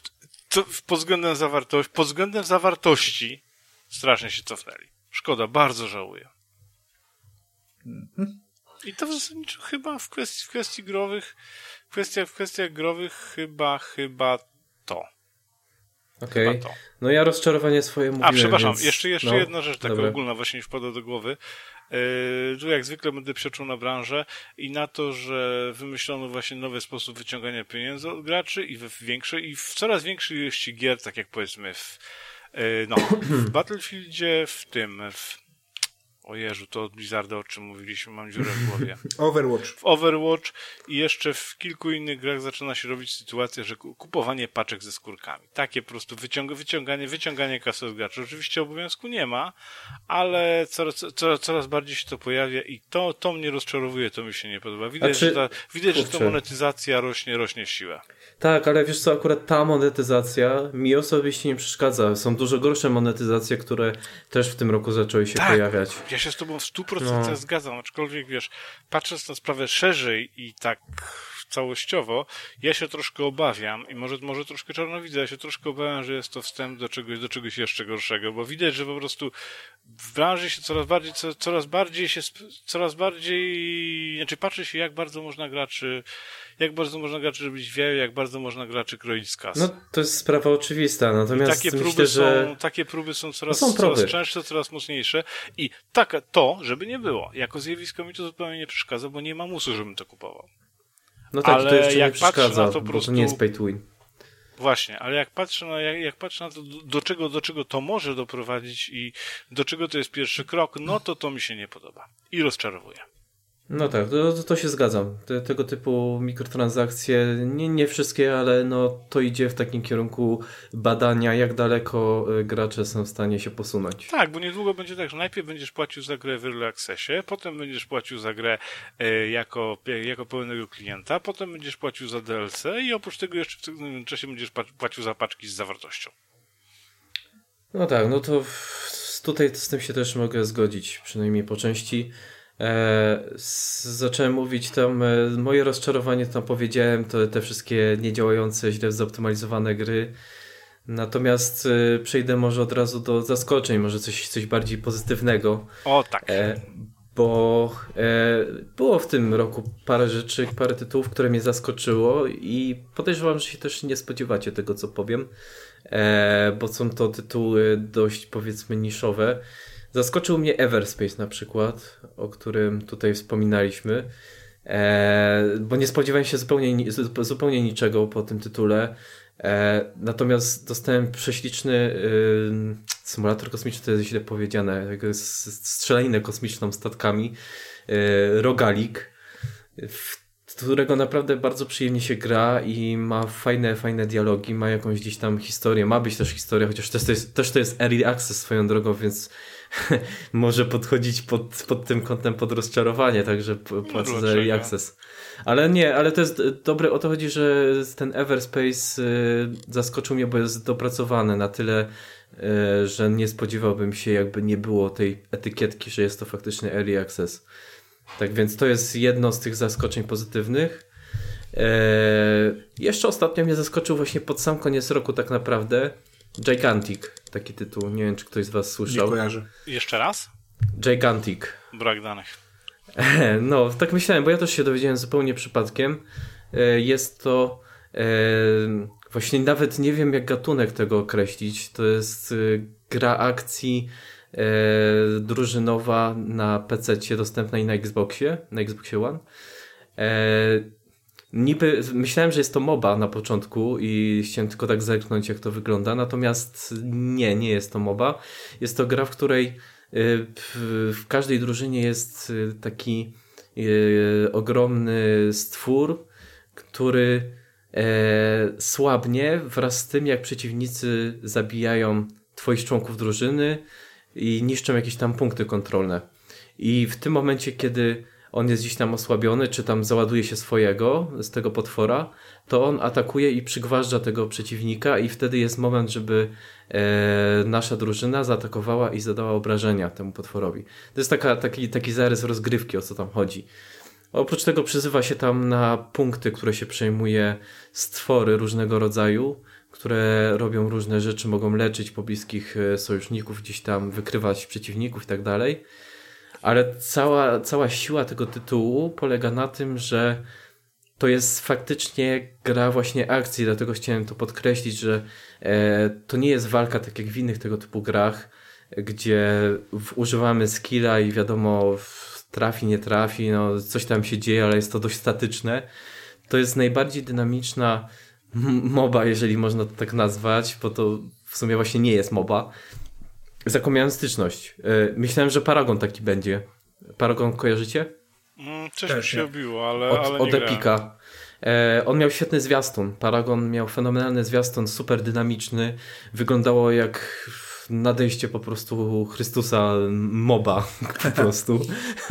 Tymczasem ostatecznie sama gra, przynajmniej dla mnie, okazała się trochę miałka, bo w sumie tak czy inaczej jest to zwykła gra MOBA ze statycznymi walkami właśnie, pomimo tego dynamicznego trailera. Tymczasem Gigantic jest mega dynamiczny właśnie, ja przypomina mi Przypomina mi Overwatcha pod tym względem. Co? Gia przede wszystkim Giantic, ja dzięki uprzejmości Dawida Morona z podcastu no. pozdrawiamy. Jeszcze powinien tutaj pomlaskać, żeby fani byli zadowoleni. Ale, to, ten, to, to ale dzięki jednak, tak? uprzejmości Dawida dostałem kod na to i razem właśnie graliśmy. Jeszcze jak to było, to jest taki fajny kod, że jak to było jeszcze betą, to na, na ten kod to, jest beta to, to się aktualizuje i dostaje też pełnego klienta. Pamiętam, że graliśmy... Bo to jest free to play. To, jest free to play. Tak, I bardzo mi się to podoba, czy podobało mi się to jako MOBA, bo wcześniej w ogóle grałem w tą MOBę z tym tam Gods of coś tam na Xboxie i nie podeszło mi zupełnie. Tylko właśnie y, nazwanie tego mobą cały czas mnie y, Ale przecież to jest moba, ale z pierwszej osoby, bo to masz... Ale właśnie nie jest. Właśnie nie jest, bo y, nie to nie ma... No bo to nie ma prawie żadnej cechy z gier typu MOBA, oprócz tego, że grasz Stary, drużynami... jak ja robiłem solo na midzie, to nie pytaj normalnie. Ale no wiesz, nie, nie masz tam e, ludków, które ci chodzą na lejnach, tak? Tutaj będą te terminy gdzieś tam, które idą od twojej bazy do bazy przeciwnika. No, nie, masz, nie, nie masz fortów. E, nie ma, nie ma, nie wiem, nie ma złota, nie ma przedmiotów, nie ma no masy dobra, innych kwestii, rzeczy. W tej kwestii nie będę, się, nie będę się spierał, bo mobę, tak jak mówię, znam słabo grania, tylko do No tylko, tylko właśnie nie wiem, jak to nazywać, nie? Ale ten Giantic naprawdę było to fajne, bo to, o ile się nie mylę, jest y, pierwszoosobowe, dobrze pamiętam? To jest, nie, to jest, to jest TPP. Kurczę, teraz mnie zmieszałeś grę to sporo. Nie, to jest TPP, chyba nie ma opcji pierwszej Ale pamiętam, że ja w tego Giantica dość, dość mi się spodobało, tam były dość ciekawe postaci i pamiętam, że wkręcił mnie taki nie, nieduży czarodziej władający ogniem. Bardzo fajnie mi się nim grało. Tak, też nim grałem, też mi się podobał, ale przede wszystkim e, ta gra świetnie wygląda, ma, ona ma unikatowy design, to ona jest taka kreskówkowa. E, tak, tam... ale kreskówkowa, tylko tak jak mówię, kreskówkowa, ale nie podpada w infantylizm, to jest super. Tak, właśnie, oni mają swój styl. E, troszkę mi przypominał nawet Journey e, z PlayStation. Nie wiem, czy miałeś takie wrażenie, tak lekko stylem graficznym. Co, akurat nie. Journey to było dla mnie w ogóle coś wyjątkowego, coś, co jest klas, no klasą tak, takie luźne skojarzenie. Jeśli chodzi o styl graficzny, no, mnie nie bardzo, ale rozumiem, że mogło. No takie luźne skojarzenie, bo nie mam do czego porównać. Właśnie to ma taką kreskę bardzo prostą. E, tamte modele postaci, one są e, bardzo proste, czasem e, karykaturalne strasznie. E, natomiast e, sama grafika jest bardzo ładna, chodzi to też bardzo dobrze, tak to muszę podkreślić w tym roku, znaczy w 2016 roku, gdzie większość gier chodziła źle, to Gigantic chodził dobrze, więc, więc muszę to podkreślić. E, I czekaj, jeszcze chciałem tylko dokończyć. E, muszę powiedzieć też, że animacje i ogólnie ten klimat mnie, mnie skupiły, że tak powiem. Prześlicznie to się wszystko rusza. Każda postać ma unikatowe animacje, bardzo fajnie to wygląda. War, warto zobaczyć, jak to się rusza. Ślicznie to wszystko wygląda. Spójnie. No. Wiesz co, jak patrzyłem na to, to miałem już ciekawe, bo tak wcześniej, jakiś, nie wiem, pół roku temu w to grywaliśmy, ale tak ostatnio właśnie to mi się zaktualizowało, coś mi się zrobiło i miałem właśnie jakoś tak, miałem w co zagrać, Kusi, kusiło mnie to po prostu do zagrania. Natomiast jeżeli chodzi, jeżeli chodzi o tą grę, popieram, nie wiem, nie wiem na ile to było mobowate czy nie mobowate, ale grało się w to naprawdę bardzo sympatycznie, byłem mile zaskoczony, jak, jak fajnie, jak, jaką fajną grę można było zrobić. Właśnie, ja, ja nagrywałem z tego filmik i, i tam powiedziałem, że e, jak ktoś jest uczulony na gry typu MOBA, czy nie jest miłośnikiem po prostu, no to e, nie ma się co zrażać, bo właśnie Gigantic jest e, tytułem, który nie takim ma wielu cech wspólnych. Takim tytułem mobu podobnym można Tak, to się może spodobać. Tak jak właśnie Overwatch się, się może podobać ludziom, którzy nie lubią takich gier, to ma, ma takie cechy Gigantic też, które gdzieś tam przyciągają do tego tytułu. No, dla mnie naprawdę spore zaskoczenie, tym bardziej, że właśnie to jest faktyczne zaskoczenie, że w ogóle tego tytułu nie widziałem wcześniej, tak? Gdzieś hmm. zupełnie przez przypadek się dowiedziałem, pod sam koniec roku właśnie i było to dla mnie zdziwienie. Natomiast sam Gigantic chyba od 2015 roku już był na, w becie na konsoli, na Wiesz Xboxie. Co, nie wiem, ja kod dostałem od Dawida w 2016, ale kiedy dokładnie to ci nie powiem. No, na, y, ale na Xboxa, tak? Czy... Tak, na Xboxa. No właśnie, na PC to właśnie beta chyba wyszła y, dopiero w 2016, teraz pod koniec. Nie tak będę się długo, długo, bo nie, nie, jest, nie jestem pecetowy. Długo strasznie to testują, ale, ale gra myślę, że dobrze na tym wyjdzie. Fajnie wygląda, mam nadzieję, że więcej osób po to sięgnie, dlatego też między innymi o tym wspominam właśnie jako zaskoczenie. I ja też, może, może nie jest dla mnie zaskoczenie, ale tutaj w pełni popieram, w pełni popieram dobrą, dobrą opinię na temat tej gry. Po prostu daję okejkę. Natomiast okay, no to chodzi, z, chodzi z moich zaskoczeń tyle. takie rozczarowanie, to powiem jeszcze mała dygresja, że ja o tym właśnie w jakim stanie te no. gry wychodzą, to mówię od ładnych paru lat i w każdym roku jest to moje, jest to moje rozczarowanie. Że no, ale jest coraz gorzej chyba. Tak, jest, jest coraz, jak się... Chociaż wiesz co, w przypadku Battlefieldów, tu uwaga, dygresja, jest coraz lepiej, bo akurat A to prawda, czwórka, to była, była fatalna stanie, natomiast jak wyszedł Battlefield 1, on ma swoje błędy i ma swoje wady i tutaj nie ma co, nie ma co ukrywać, natomiast nareszcie ktoś pomyślał, co w przypadku jej jest co najmniej zadziwiające. Doszliśmy e, do punktu. Nareszcie ktoś pomyślał, bo w, w momencie, kiedy zaczniesz grać, wszystko jest ok. Owszem, zdarza się na przykład to, że jedziesz czołgiem i jak strzelasz nie ma efektu strzału, lufa po prostu, nie, nie widzisz, żeby strzelało, nie masz ognia, nie masz błysku, nie masz huku, a przeciwników kładziesz. To jest też ciekawe. Mhm. Wiesz, jedziesz, celujesz, wciskasz strzał, ja nie wiedziałem, co jest grane. Myślałem, że uszkodzi mi ten, armatę, ale wiesz, celuję w gościa, wciskam strzał, zero efektu, mówię, no dobra, rozpieprzałem. Nagle patrzę, że killed. Mam efekt, że kogoś załatwiłem. Imagi co jest? Imaginary Rocket. No, to się, to się tak, zdarza. No. Ale wiesz, ale, ale poza tym, poza tym, po, pod względem technicznym, Battlefield jest naprawdę lepszy, w lepszym stanie wyszedł niż wyszła trójka i w dużo lepszym stanie wyszedł niż wyszła czwórka. I w dużo lepszym stanie wyszedł niż wyszła większość gier w roku Nie, 2016. Tutaj naprawdę, tu, tutaj, tutaj naprawdę wielkie, ten, wielkie kudosy dla jej, bo pomyśleli, owszem, tam dookoła był problem, bo na przykład nie, trzym, nie trzymało na przykład tych zestawów, tego co sobie wybrałeś, trzeba było, trzeba wybierać jeszcze raz, ale tutaj na to, no, w przypadku Battlefield Hardline poprawili to dopiero po roku, więc jeszcze mają, więc jeszcze chyba mają trochę czasu. Ale tak jak mówię, to jest, to jest, to jest krok w bardzo dobrą stronę, jeżeli tak to pójdzie, to będzie super. Natomiast, Okej. no, niespodzianka No, roku? Zas Moja? zaskoczenie, no zaskoczenie jest, jest To niespodzianka. mam Masz coś? trzy. Jedno to jest O. filmowe, O, Gwiezdne Wojny Historii Łotr 1. Bogowie nie jedyni to jest świetne. To jest Spoiler. po prostu super. Nie, nie, będzie, będzie bez spoilerów, powiem tak. spoiler jest świetny. Nie, nie będzie, nie będzie spoilerów. Tutaj fear not you have. Ale jest to, jest to po prostu film, który pokazuje, czym są Gwiezdne Wojny, jaka to jest jakiś świetny świat, świetna rozgrywka, świetna przygoda. Jest po prostu coś niesamowitego. I trochę nie zgadzam się z tym, że ci, którym się nie podobało Przebudzenie Mocy, podobają się w Łotr 1 i odwrotnie. Myśmy sobie powtórzyli niedawno, mam, mam akurat na Blu-rayu Przebudzenie Mocy jest to owszem dobre, ale jest to dobre inaczej. Moim skromnym zdaniem jak Przebudzenie Mocy było dobre, tak Łotr 1 jest lepszy w podejściu i tutaj uważam, że Jar Jar, Jar, Jar Adams powinien się uczyć od tej ekipy, jak się, jak się robi Gwiezdne Wojny. No ale o tym może szerzej przy innej okazji. W każdym razie pozytywne zaskoczenie roku wychodziłem z kina, po prostu Micha mi się śmiała. To było coś tak niesamowitego. Ja tylko mam takie Naprawdę jedno rewelacja. zastrzeżenie, a to nie będzie żaden spoiler. Eee, po tej części Gwiezdnych Wojen mam takie dziwne wrażenie, że te zbroje szturmowców się kompletnie do niczego nie nadają. Co w Star Wars RPG, a- Star Wars RPG twierdzi zupełnie inaczej, o czym obaj wiemy. Dokładnie. Ty też pamiętasz te stosy pancerzy? Tak. Myśmy się w Star RPG pancerzach całkiem nieźle zarobili, o ile dobrze pamiętam. I Ale to, chyba już... nawet u Jabów. Inside joke. Tak, ale to już, to już inna bajka. Natomiast drugim pozytywnym zaskoczeniem jest growym jest Hitman. O, Ja nie jestem skradankowy. Z skradankami zupełnie nie przypadam, jeżeli już to bardzo podoba mi się Dishonored, który oferuje ci opcję, że skradasz się wtedy, kiedy w gówno walnie w wentylator, możesz załatwić sprawę na głośno i nie ma problemu. Natomiast w Hitmanie zacząłem, zacząłem grać zachęcony bardzo pozytywną opinią Sir Mike'a z forum Ogatki. A akurat jakoś było tak, że nie, nie bardzo miałem w co grać, tak, czy może inaczej, miałem w co grać, ale miałem ochotę na coś innego. Zainstalowałem tego Hitmana. Jakież było moje zdziwienie, kiedy, tak jak mówię, nie jestem fanem skradanek. W misji zwanej Final Test zrobiłem osiągnięcie Ghost, czyli zrobiłem dokładnie jak, tak, jak powinno zrobić. Nikt mnie nie widział, znaczy nikt mnie nie zauważył. Zrobiłem po prostu dokładnie tak, jak powinno się to zrobić.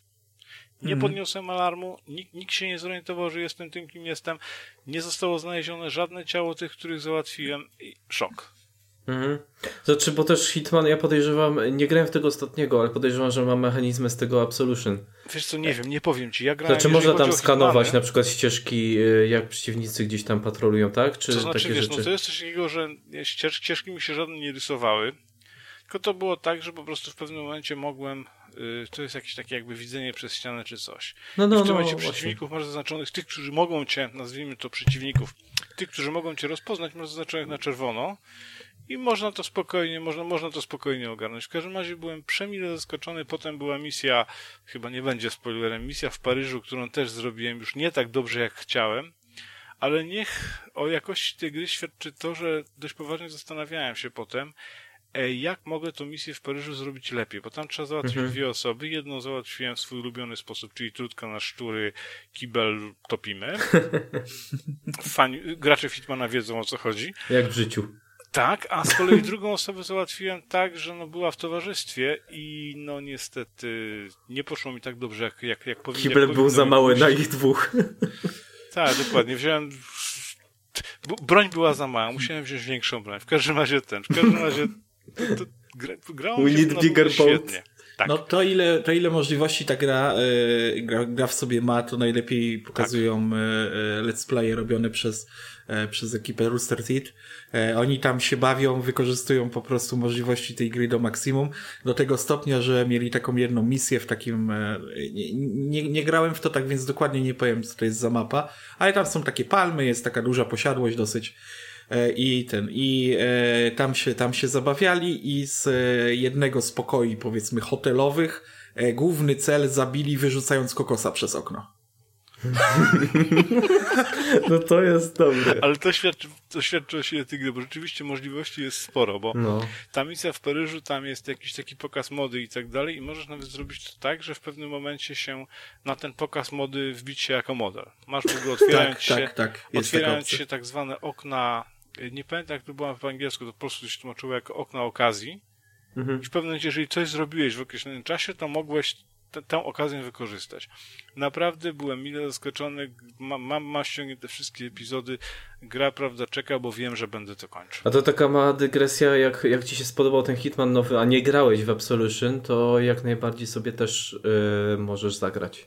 A, Natomiast... Bo myślę, że ci się też spodoba, bo ma też. E, ja, ja też nie lubię skradanek, a w Absolution e, przechodziłem i przeszedłem go. I będę jeszcze raz przechodził o dziwo na PC. Wiesz co, jak dla mnie tak w, tej, w tej kwestii jednak y, szybciej chciałbym przejść. Przede wszystkim skończyć Dishonored 1 i przejść Dishonored 2, bo Dishonored to jest. Jasne, no, tylko, tylko wspominam, że, że możesz, może ci się spodobać, szczególnie, że on się nie zestarzał specjalnie. O. On dzisiaj nawet całkiem nieźle wygląda i, i się dobrze w niego gra. Natomiast drugim, drugim pozytywną, pozytywną niespodzianką. Trzeci, a nie trzeci? Czekaj. Trzecią, Trzecia. przepraszam, trzecią. Trzecia. Drugą grową, a trzecią ogólną, faktycznie. Okay. Jest coś, co się nazywa Record. A, no coś słyszałem, ale, ale gra, no, to którą, jest tylko na konsolach chyba. Gra, którą, znaczy to jest w ogóle Microsoftowy ekskluzyw, nie wiem czy Xboxowy, Aha, czy właśnie. Microsoftowy w sensie czy jest też pod Windowsa, ale z tą, z tą grą jest zabawnie, bo jak zobaczyłem ją pierwszy raz na jakichś zapowiedziach, strasznie ją zjechałem, bo no, byłem w błędzie, do czego się przyznaję, bo sądziłem, że tam będzie ten motyw, że trzeba będziesz musiał wyciągać rdzenia z jednego robota, wkładać do innego robota, żeby coś tam przejść i tak dalej. Natomiast nie.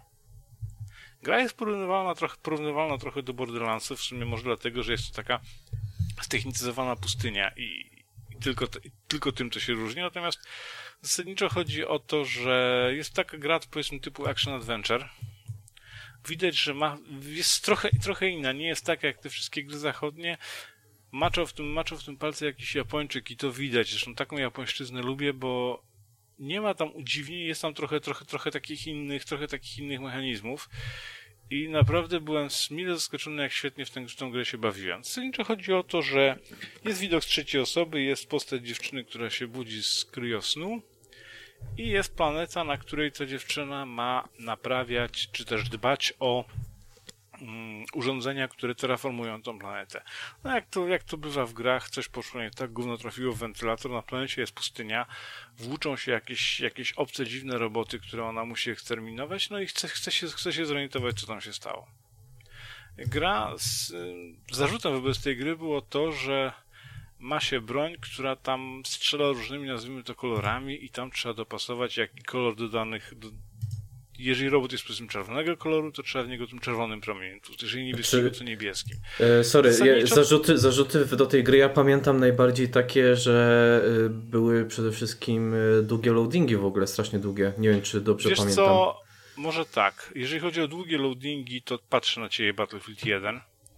Tak? To nie są aż tak. No sobie, w Battlefield 1 loading potrafi trwać naprawdę z zegarkiem w ręku do 4-5 minut. Ostatnio nie. jak... Tak. Przecież ostatnio... ja, ja, grałem, ja grałem w betę, nie przypominam sobie, żeby mi się długo ładowało. A, a ja grałem w pełną wersję nawet, nawet 31 grudnia i pamiętam, bo specjalnie chciałem wleźć na mapę Monte Grappa, żeby tam coś zrobić i to mi się naprawdę ładowało z zegarkiem w ręku kilka zegarowych minut. Te loadingi są po prostu przesadnie długie. O.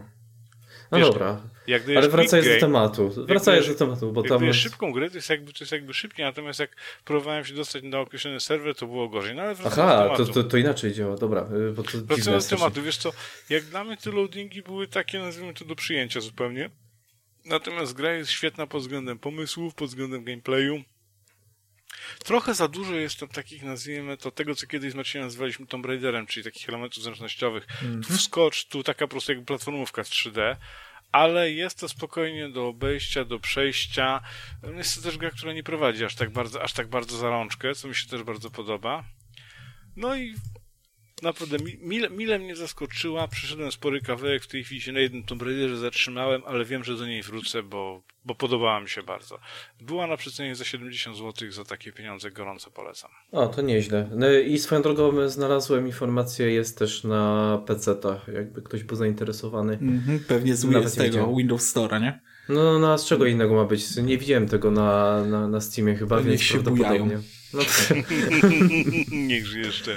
ale, ma, ale ma wysoką ocenę faktycznie dość na gry online. Akurat zerkam 7,8 na 10, więc ładnie. Myślę, że warte, warte zainteresowania, mimo że na Windows Store chyba. Okay. Jak dla mnie naprawdę mile mnie tak zaskoczyła, tak samo tu się biega, skacze, zdobywa, walczy, jest fajny motyw z wyciąganiem tych, nazwijmy to, bo każdy z drogich robotów ma taki jakby rdzenie, taką kuleczkę w walce można ściągnąć, prawda, tarczę i w pewnym momencie możesz ten, możesz ten, ten wyciągnąć, ale jeżeli na przykład on cię nie zauważy, masz tak zwany instant eject, że automatycznie wyciągasz od razu. I za pomocą tego rdzenia możesz upgrade'ować swojego, swojego robota, to jest taki psorobot, a potem jak ja po jakimś czasie zdobyłem jeszcze jednego innego, nie będę mówił jakiego, bo to chyba nie o to chodzi, a widać, że po menu, że typu, ty, typów, typów tych robotów, które mogą ci towarzyszyć jest chyba 4 czy 5 i może się przełączać w locie. O, to fajne na przykład w pewnym momencie mam tego jednego robota, który pozwala mi robić coś, o czym nie będę mówił, bo to spoiler, w każdym razie ma to związek z ruchem, po czym ląduje gdzieś, rozpoczyna się zadyma, przełączam na pso-robota, który w walce sprawdza się nieźle. Mhm. Ewentualnie zostawiam tego, te, tego właśnie drugiego, który też w walce też się całkiem fajnie sprawdza, ale pso-robot akurat mam go lepiej rozwiniętego. Jest tam jakiś jeszcze crafting, jakaś taka rozbudowa, teleporty. Oprócz tego bardzo fajnie ta gra wygląda pod względem takim, nazwijmy to, scenograficznym. Bardzo fajnie jest to zrobione. Pustynia. No właśnie, niektóre screeny wyglądają fajnie, niektóre wyglądają źle, więc nie wiem jak to, jak to jest to tak faktycznie tak z tego. w każdej grze. Raz jest fajnie, no. raz jest niefajnie. Nie, moim zdaniem, jeżeli o mnie chodzi, jest, tych, tych fajnych jest więcej. Okej. Okay. E, swoją drogą, no na Windows Store jest teraz za 30 funtów, więc no to nie jest nie, tak w tej tanio. cenie nie polecam. W no. tej cenie zdecydowanie, jeżeli za 30 funtów, jest jakieś 150 zł, to jest, no. to, jest, to jest w tym momencie za dużo, ale w cenie tak około, jeżeli będzie obniżka do 70, 50-70 zł naprawdę warto. No, wygląda dość interesująco, więc. Do... Ja tam mam przygranych tego. ładnych parę godzin, a, a mam wrażenie, że jest tym jeszcze spory kawałek, spory kawałek, znaczy może znaczy, spory kawałek gry jest przede mną, bo widzę choćby po tym, że mam odblokowane dopiero te dwa roboty chyba z ten, te dwa roboty chyba z pięciu i widzę właśnie jeszcze po mapie. Także okay. jest to fajne. Dobra, e, Marcin, ty, ty, ty tam jeszcze jakieś masz ten zaskoczenia? No, jedno. Jedno tylko. 170 godzin w Dark Souls 3. W sensie mało czy dużo? Dużo, jak, dla, jak, jak na mnie to jest dużo. Ja nigdy nie byłem fanem Dark Soulsów, grałem, próbowałem grać w jedynkę, jak ona kiedyś tam wyszła i jakoś się odbiłem od tej gry ze względu na, no nie wiem, no chyba na to, że non-stop ginąłem. No że... może, może ze względu na to. Tak, podejrzewam. Wielu, ludzi odbija się od tych gier tak. z tego powodu. Podejrzewam, że to mogło być to. E... Całkiem prawdopodobne. E... Jak zacząłem oglądać e, latem e, filmiki, które wrzucał Wojtek Kubarek, to po prostu stwierdziłem, kurde, coś w tej grze jest fajnego, spróbuję. Jak spróbowałem, to mnie zabrało z butami. Po prostu. Aktualnie, Takie gry są najlepsze. Aktualnie y, jestem, jestem na poziomie biegania kompletnie bez zbroi i nie rozwijania sobie prawie żadnych cech. Tak, tak chcę skończyć całą grę. Poczekam aż zagrasz na gitarze i przejdziesz. E, nie, nie sądzę, chociaż może. Nie, nie, nie, bo to, bo to by kolejne tam z Ale najlepiej jeszcze tej, tej strunowej do tego. Mm, tak, tak, tak, no, no, na normalnej gitarze. Bo w ogóle była masakra. Tego jeszcze nie było. E, ale to ten był hit. E, coś takiego. E, następną rzecz, do której się będę przygotowywał, to e, to będzie coś, co niewielu ludziom na świecie udało się zrobić. To jest przejście. Nie, przejście całej gry bez otrzymania ani jednego ciosu. Uuu, szacuneczek ale to jest daleka droga przede mną. Widziałem to cały stream. Musisz mieć opanowane wszystko tak, musisz mieć opanowane. Musisz, e, każdy, każdą walkę z bossem musisz znać e, dokładnie, co się będzie działo w każdej sekundzie. Mhm. Ty po prostu wykonujesz. Ja ty po prostu wykonujesz ruchy, zanim boss zrobi swój ruch. No. Bo musisz wiedzieć, co on zrobi w danym tak, momencie, żeby tak, wcześniej móc... Tak. Całe szczęście, całe szczęście w Dark Soulsach jest ten bardzo fajny system telegrafów, tak więc mniej więcej kiedy boss coś robi albo jakiś przeciwnik coś robi, to ty już dokładnie wiesz, że to będzie ta animacja. Jeżeli znasz dosyć dobrze. No tak, oni się przygotowują zawsze do tych ciosów i różnych rzeczy. Tak więc to jeszcze, to prawdopodobnie będę robił jeszcze cały 2017, podejrzewam, że cały 2018 rok, bo to nie jest łatwa sprawa. Oglądałem jednego streamera, któremu się udało to zrobić. Ten koleś jest niesamowity po prostu. Przejść całe Dark Souls autentycznie bez otrzymania jednej, ani jednego ciosu. On ustanowił rekord świata, bo zrobił to jeszcze w jakimś dosyć krótkim okresie czasu. I tu właśnie ten, tu właśnie celuję. Jeżeli to zrobię, to zabieram się za przejście Dark Soulsów jedynki. Trzymam kciuki, naprawdę trzymam kciuki, jestem pod wrażeniem, bo to naprawdę niesamowite wyzwanie. Ja w ogóle Ale nie sądziłem, Ja podejrzewam, że... że ciebie odrzuci to, że, że, znaczy jedynka, jak wspominasz. E, grałem chwilę i e, jest nawet spoko. Tak? No. Mechanicznie nie, faktycznie okay. jest trochę inaczej, nie? Ale Mechanicznie, dźwiękowo, mhm. graficznie ona odstaje strasznie od, od trójki. Trójka się właśnie wyróżniła, ona już doszła do tego poziomu, e, jak masz po prostu te duże inne gry. Y, rozumiesz, co mi tak, chodzi, bo chodzi jedynka, płynnie. dwójka, co trochę jak niskobudżetowe takie, takie gry pod wieloma tak. aspektami. A ona wygląda bardzo ładnie i chodzi płynnie, jest no wszystko no naprawdę zarąbiście dokładnie. i nie ma żadnych jakichś większych bugów ani nic takiego.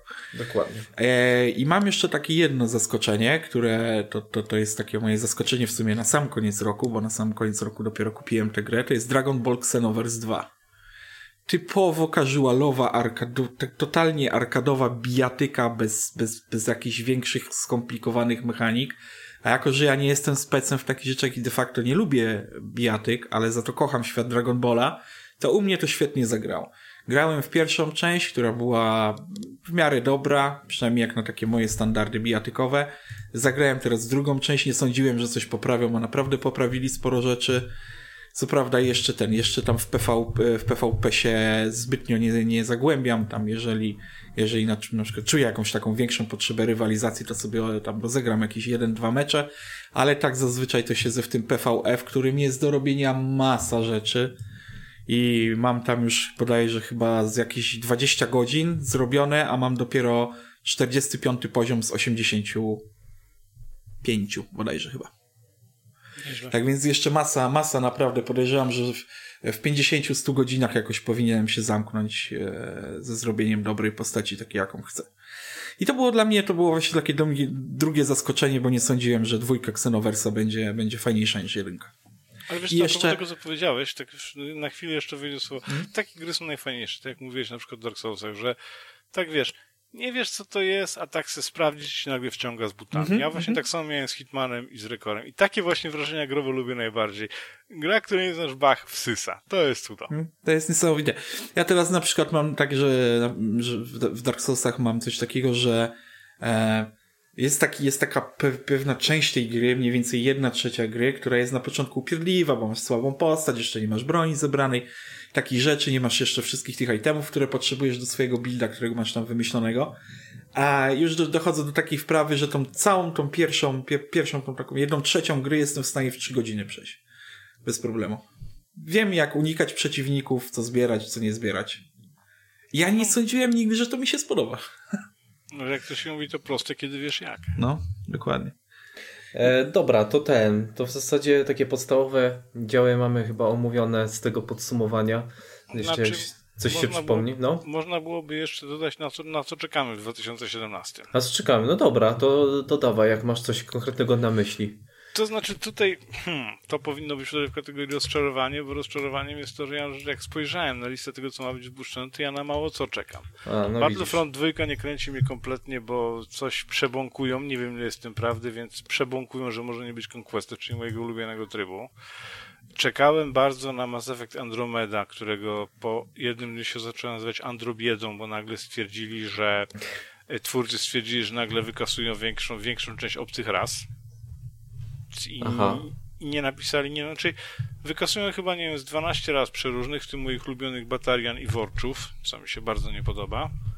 A może będą inne rasy? Wiesz co, no ale może, ja bym bardzo chciał, żeby tak było, ale oni na przykład nie napisali czegoś takiego, mm. że będą inne, tylko w, kom w komunikacie dali, dali w tym momencie, że wykasują. W związku z powyższym tak średnio mi się to podoba i na tą, tu nie chodzi o to, że hejtuję tą Andromedę i nie kupię. Owszem, kupię, zawoda nie po to, nie po to, po co wszyscy, tylko ze względu na, multi, bo w multi Mass Effecta trójki pograłem chyba teraz ładnych, ładnych parę godzin, podobało mi się bardzo ale wiem, że po prostu kupię, kupię pod względem po prostu multi, będę w to grał, ale no nie czekam tak bardzo, jak czekałem powiedzmy na Battlefielda, Titanfalla czy coś w tym stylu. Tak czekam, bo czekam, ale nie czekam, wiecie. Nie, nie przebieram nogami, o, w ten sposób. Mhm. Po prostu czekam, aż będzie ten, może jak, yy, może jak będzie beta, zresztą zapisanie się na betę trybu multiplayer, zobacz, zobacz, zobaczę, ocenię, ale, ale tak jak mówię. I to chyba tyle. Okej, okay, no bo ja w sumie. Ja w sumie nawet nie wiem, czy jest coś, na co konkretnie e, czekam w 2017 roku. Czy nie będzie Battlefielda, więc wiesz.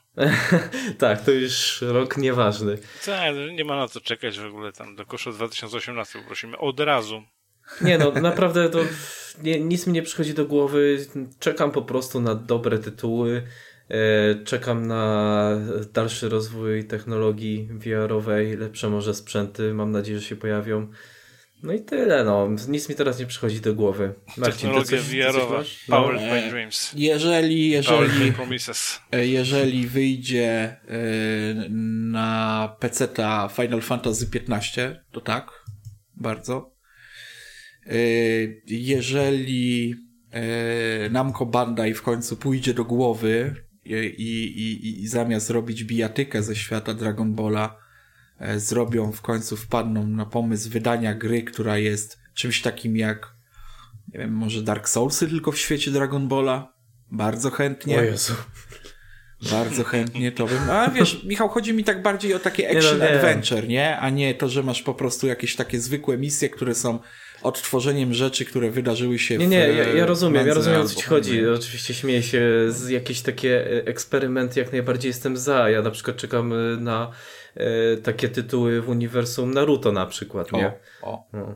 Też, Natomiast nic takiego dobre. się nie pojawiało. To też jest świetny materiał na zrobienie e, różnego rodzaju gier. I mam nadzieję, tutaj też mam, czekam, czekam też na to, na nowe, na nowe zestawy z Gwiezdnych Wojen związane z ósmym epizodem. No tak, okay. właśnie. Jeśli, jeśli czekam, to czekam na nowe Gwiezdne Wojny. Mhm. I tak bardziej w sumie, tak powiem szczerze, tak większość tych rzeczy, których oczekuję w, po tym 2017 roku, to jest bardziej związane chyba z kinem niż ten, niż, niż, niż z Aha. grami. Bo tak de facto z gier, no to jeżeli wyjdzie to Final Fantasy, to ja to wezmę, bo to, to na pewno chcę pograć. Ale tak cała reszta tych zapowiedzi z gier na ten 2017 rok, to tak trochę mi to, trochę mi to zwisa miękkim kalafiorem. Mass Effect też niestety. Znaczy nie, no ja na przykład jakbym miał wymieniać, to bym tam wymieniał parę tytułów, ale nie, nie widzę sensu. Ja po prostu czekam, zobaczymy co z tych tytułów wyjdzie. Eee, jestem mimo wszystko dość sceptycznie nastawiony. Na Mass Effecta czekam, tylko tak samo jak ty mówisz, y, pojawiają się te informacje, mm -hmm. e, które nie są jakoś specjalnie optymistyczne. E, ale daję szansę, daję szansę wszystkiemu, ja czekam. Jak coś się pojawi fajnego, jak będą dobre recenzje, to zawsze chętnie coś tam sprawdzę nowego. Ja bym chciał, żeby jakaś gra w tym 2017 wciągnęła mnie, żeby był to właśnie ten efekt, o którym mówił Marcin przy Dark Soulsach i który ja miałem przy Rikorze i Hitmanie. Po prostu tak sobie włączę, bo włączę, a dobra, zobaczymy co to jest, a dwie godziny, dwie godziny później powiem, wow, to jest super. Mhm. A propos, y, Mario Run. No. to znaczy nie wiem czy a propos, ale... No, no bo ja, ja grałem trochę, ale niedługo. płynne przejście, jakie jest możliwe. Cicho! Dobre było. Dobra, panowie, ale jeszcze zanim zajmiecie się tym Marioranem, no. ja niestety muszę spadać już. Już spadasz. Bo wpadłem, no wpadłem tutaj tylko na przerwę obiadową. Żeby było śmieszniej, w trakcie nagrywania zjadłem cały obiad i nawet nie zauważył. Ty, ja nie, ja nie no. zauważyłem. Można? Można? Kurde. Można. Brawo, nice. ten pan. To jest moje zaskoczenie roku. Achievement no. odblokowany. To jest mój drugi achievement w tym roku. No trudno, no. Pod koniec roku właśnie nie, uda się, nie udało nam się y, nic nagrać, no teraz nadrabiamy troszkę, ale jak mm -hmm. musisz lecieć, to no, niestety, cóż poradzić. No niestety, praca nie wybiera. E, tak więc bardzo dziękuję Wam za to małe podsumowanko, za to, czym się zajęliśmy tutaj przez te półtorej godziny, jak sobie siedzimy razem. Bardzo dziękuję słuchaczom. Obiecuję, że e, ja za każdym razem, jak będzie e, Damian, to będzie kącik angielski. Postaram się wynajdywać jakieś Aha. ciekawe rzeczy, zadawać mu pytania z tego, co on wie o Anglii, czego on nie wie o Anglii, tak więc pilnuj się. O, będziesz będziesz okay. odpytywany e, z różnych takich dziwolągów, które znajdę, e, znajdę w internetach. Albo A my tu jeszcze ten, my tu jeszcze chwilę, chwilę coś przedyskutujemy. Tak, wy chłopaki jeszcze sobie siedźcie, hmm. a ja dziękuję bardzo za uwagę. Do następnego razu, do usłyszenia. Trzymajcie się. Hmm. Hej. Cześć. My również dziękujemy tobie. Na razie, hej, cześć. Pa. Mario Run. Mario Run. tak. Co, Co byś chciał powiedzieć? Jak dobre to jest Mario? Mario Run jest piękny pod względem wizualnym. W ogóle gry Nintendo mają to do siebie, że ich styl graficzny, tak jak się popatrzy na to, na to, co w branży filmowej nazywa się scenografią, są świetne. Do dzisiaj pamiętam, jak bardzo podobały mi się Donkey Kongi wszelakie, jak to wszystko ładnie, super kolorowo wygląda i tutaj Mario Run nie jest wyjątkiem, bo wygląda naprawdę świetnie. Co z tego, że sama gra no, mnie specjalnie nie wkręciła, bo nie przechodząc z takimi endless runnerami. No bo to jest Natomiast... taki, to nawet nie jest endless runner, tylko to jest, e, tam się przechodzi poziomy, tak żeby tak. była jasność.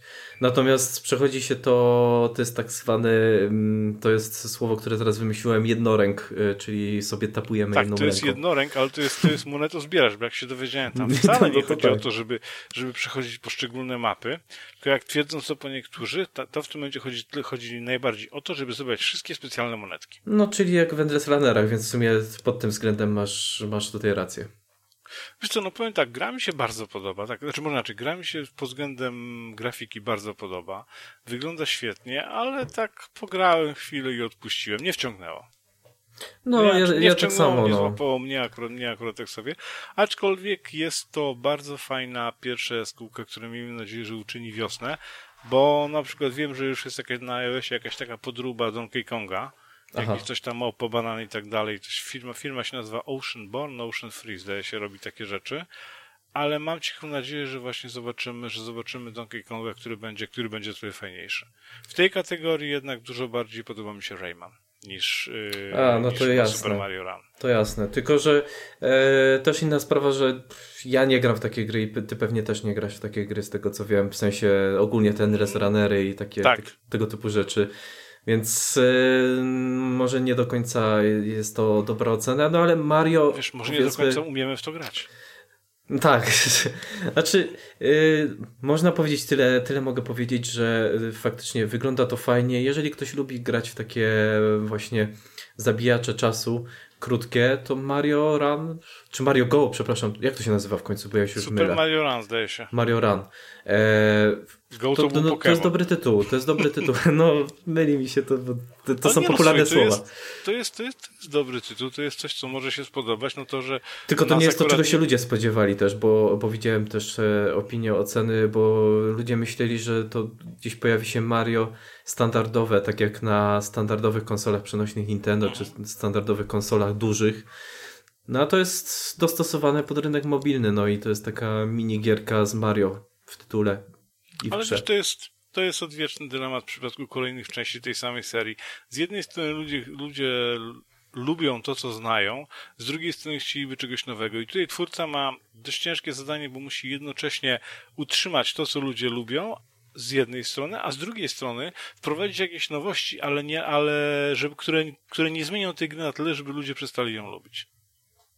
No tak, no i Nintendo to tak, tak właśnie zrobiło, no. Mhm. To jest cały czas to samo Mario, powiedzmy, core gry jest ten sam. Tak. Natomiast gra się są wąsy, tapując tylko. Są platformy. No, no, no dokładnie, no wszystkie te elementy i tyle, no. Ale nie wiem, nie zauważyłem na razie. Yy, jeszcze troszkę pogram, żeby obadać kwestie e, jakichś mikrotransakcji czy takich rzeczy, bo jestem ciekawy, jak wygląda sprawa takiego właśnie paywalla, tak? Czy, czy jest, tak, czy jest jakiś moment, w którym nie da się już to grać normalnie?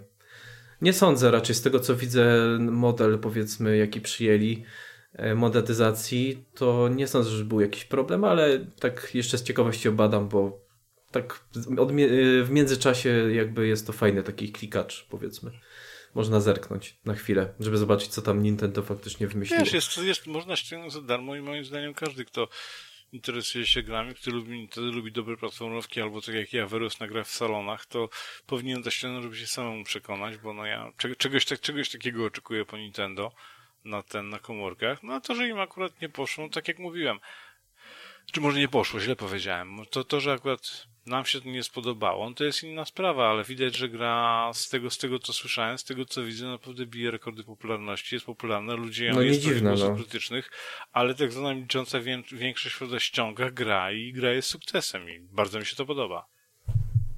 Nie no, zdecydowanie. Wiesz, jeżeli to się mówię, jeżeli to się przyjęło, to jest szansa na kolejne gry Nintendo, które mam nadzieję, że nie będą jakimiś tam Mario Kart, Mario Racer, tylko jakimiś takimi właśnie fajnymi platformówkami, które Nintendo umie najlepiej. No zobaczymy. To jest w każdym razie warto było wspomnieć, bo to też jest y, pewnego rodzaju w sumie wydarzenie w, ty, w tym no roku. Jest w zeszłym, przepraszam. Na komórkach to jest, wiesz, no, platform breaker. No, właśnie. E, a drugi tytuł, y, dział mobilny tak swoją drogą trwa. E, to jest to, co... Jakby się ktoś nie zorientował. To już jest rozwiązanie zagadki, jakby ktoś zgadywał. Tak. E, natomiast drugi tytuł, który ja zagrałem w ostatnim czasie od ostatniego odcinka, to jest Sarah is Missing, o którym wspominałem no ostatnim no. razem. E, jak powiedziałem, tak zrobiłem, zagrałem, przeszedłem. E, I nie jest to horror, tak jak się spodziewałem. To powiedzmy, zaspoiluję o tyle, żeby ktoś e, się nie zniechęcił, czy się nie rozczarował, tak jak ja się trochę rozczarowałem pod tym względem, że ta gra nie jest e, straszna w zasadzie, ale jest intrygująca.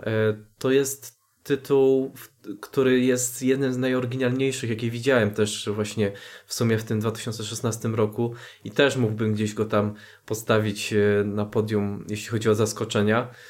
Bo pomysł na rozgrywkę jest naprawdę świetny. To już ostatnim razem mówiliśmy, tak? Znajdujemy czyjś telefon, bo to gra tak. się na telefonie, więc znajdujemy czyjś telefon i przeglądamy jego zawartość w celu ustalenia, co się stało z tą osobą. No i mhm. nic, nic nie będę tutaj zdradzał, bo cała, cała zabawa polega na tym, żeby właśnie odkrywać, co tam się, co tam się stało z tym właścicielem telefonu. Natomiast y, rozwiązania, rozgrywki i rozwiązania fabularne są strasznie unikatowe. Właśnie przeglądamy, przeglądamy chociażby później dostajemy dostęp do e, SMS-ów tej osoby i czytając powiedzmy te SMS-y, konwersacje, jakby budujemy sobie profil psychologiczny tej postaci, to, to kim ona jest, kim ona, kim ona była, co tam, zrobi, co tam zrobiła, kto, kto mógł ewentualnie coś tam zrobić, co się mogło stać faktycznie i tak dalej. Wszystko to za, za pomocą takich e, rzeczy, które znajdujemy na telefonie, nie? To jest e, taki właśnie unikatowy system narracji, gdzie przeglądamy tą zawartość telefonu, zdjęcia, te smsy, Czyli maile jeszcze. narratorem jest platformą narracji, jest sam telefon, narratorem tak, jest telefon. Tak. Jest strasznie fajny pomysł. A jaki jest cel gry, powiedz? Żeby dowiedzieć się, co się stało z właścicielem telefonu. Po prostu. A, Sara. Sara jest missing, e, Sara jest mhm, właścicielem okay. telefonu i, i z pomocą tego telefonu i AI na tym telefonie, bo tam jest coś w stylu Siri, powiedzmy, które gdzieś tam powiedzmy pomaga e, odszukać tą osobę Yy, no próbujemy rozwiązać tę zagadkę po prostu. Dobre. So, są tam różne wybory po drodze, więc yy, nie zdradzając, to nie jest też całkowicie liniowa rozgrywka, więc no, warto spróbować. Na pewno to mówię z całym przekonaniem, warto ściągnąć, bo to też jest darmowe znowu. I takie gry darmowe się bardzo, bardzo rzadko zdarzają. Moim zdaniem spokojnie mogliby tutaj e, żądać jakiejś takiej podstawowej opłaty, chociaż te 99 eurocentów, czy ile tam jest ta podstawowa, bo no, zasłużyli sobie za sam pomysł. Hmm. Więc polecam, tak? Po zagraniu już, y, mimo że nie jest to, czego oczekiwałem, to nie jest y, specjalnie jakoś straszna gra. To jest intrygująca i jak najbardziej warto uwagi. I dajesz okejkę. Daję okejkę, jak najbardziej. Warto sprawdzić za taką cenę. e, tyle, tyle jeśli chodzi o dział mobilny. Chyba, że masz jeszcze coś, co, co Nie, wiesz co, ja ostatnio ten, ja ostatnio jest, jest, no, jest na tym, na urlopie, na wolnym, to jakoś tak mniej ten, mniej no. mobilnie pogrywam, ściągnąłem sobie ten, ściągnąłem sobie coś, co, coś, co ma być klonem Zeldy, coś, okay. co ma być klonem Zeldy i coś, co się nazywa Oceanborn pewnie będę w to grał, ale to, to, to, to, jest, to jeszcze nie teraz. To jakby coś to powiesz. E... Nie no, oczywiście, oczywiście, ale jestem bardzo tego jestem ciekawy, bo ktoś pisał, że jest to w opisie, ktoś napisał, że jest to czy w recenzji, przepraszam, w recenzji w opinii, że jest to klon Zeldy, Legend of Zelda Wind Waker, więc jestem tego bardzo ciekawy. No, ja no, mobilki też, też jakoś nie gram, ale właśnie do tych dwóch tytułów, tam Mario Run i, i, i tego Sara is Missing, no to zrobiłem wyjątek. wyjątek no. no. bo dość intrygujące powiedzmy tytuły mhm. pod różnymi względami. E, natomiast jeśli jeszcze chodzi z takie rzeczy, które mam tu zapisane, które jeszcze e, chciałem powiedzieć, to Resident Evil 7, y, który się pojawił, demo, y, w ja zagrałem. Nie wiem, czy, czy miałeś styczność? Wiesz co, ja nie jestem rezydentowi, ja średnio, średnio przepadam za, za horrorami, wiesz? No właśnie, a, a Resident Evil mnie zaskoczył pod tym względem, że to faktycznie jest horror. Eee, i to znaczy, jeden... horror, nie jest to zombie shooter, czyli horror, taki prawdziwy. Taki bardziej prawdziwy, tak. Przynajmniej o. demo. Nie wiem, jak będzie z pełną grą, ale to mnie zaskoczyło bardzo, bardzo pozytywnie też to mógłbym tak wymieniać w sumie w tym z, tego z 2016 mhm. roku te zaskoczenia, bo jednak było więcej takich rzeczy, ale no ogólnie jest to tytuł, który e, od, odszedł w ogóle od znanej formuły wcześniejszej i e, to nie jest już gra TPP przede wszystkim, tylko jest to gra z, z perspektywy pierwszej osoby. Mhm, to już e, brzmi dobrze. I to już, to już mnie strasznie mnie. zaskoczyło. E, nie spodziewałem się tego. I można strzelać chodząc? W ogóle się nie strzela w demie. Na przykład. A, taki numer.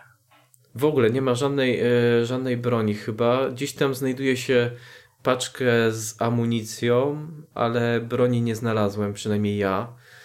Natomiast być może jest tam gdzieś, dlatego że okazało się po skończeniu dema, że miałem złe zakończenie. E, nawet demo jest nieliniowe prawdopodobnie, więc być Fajnie może no, da się może to inaczej skończyć, ale Wspominam o tym głównie dlatego, że właśnie jest to strasznie, strasznie unikatowy Resident Evil.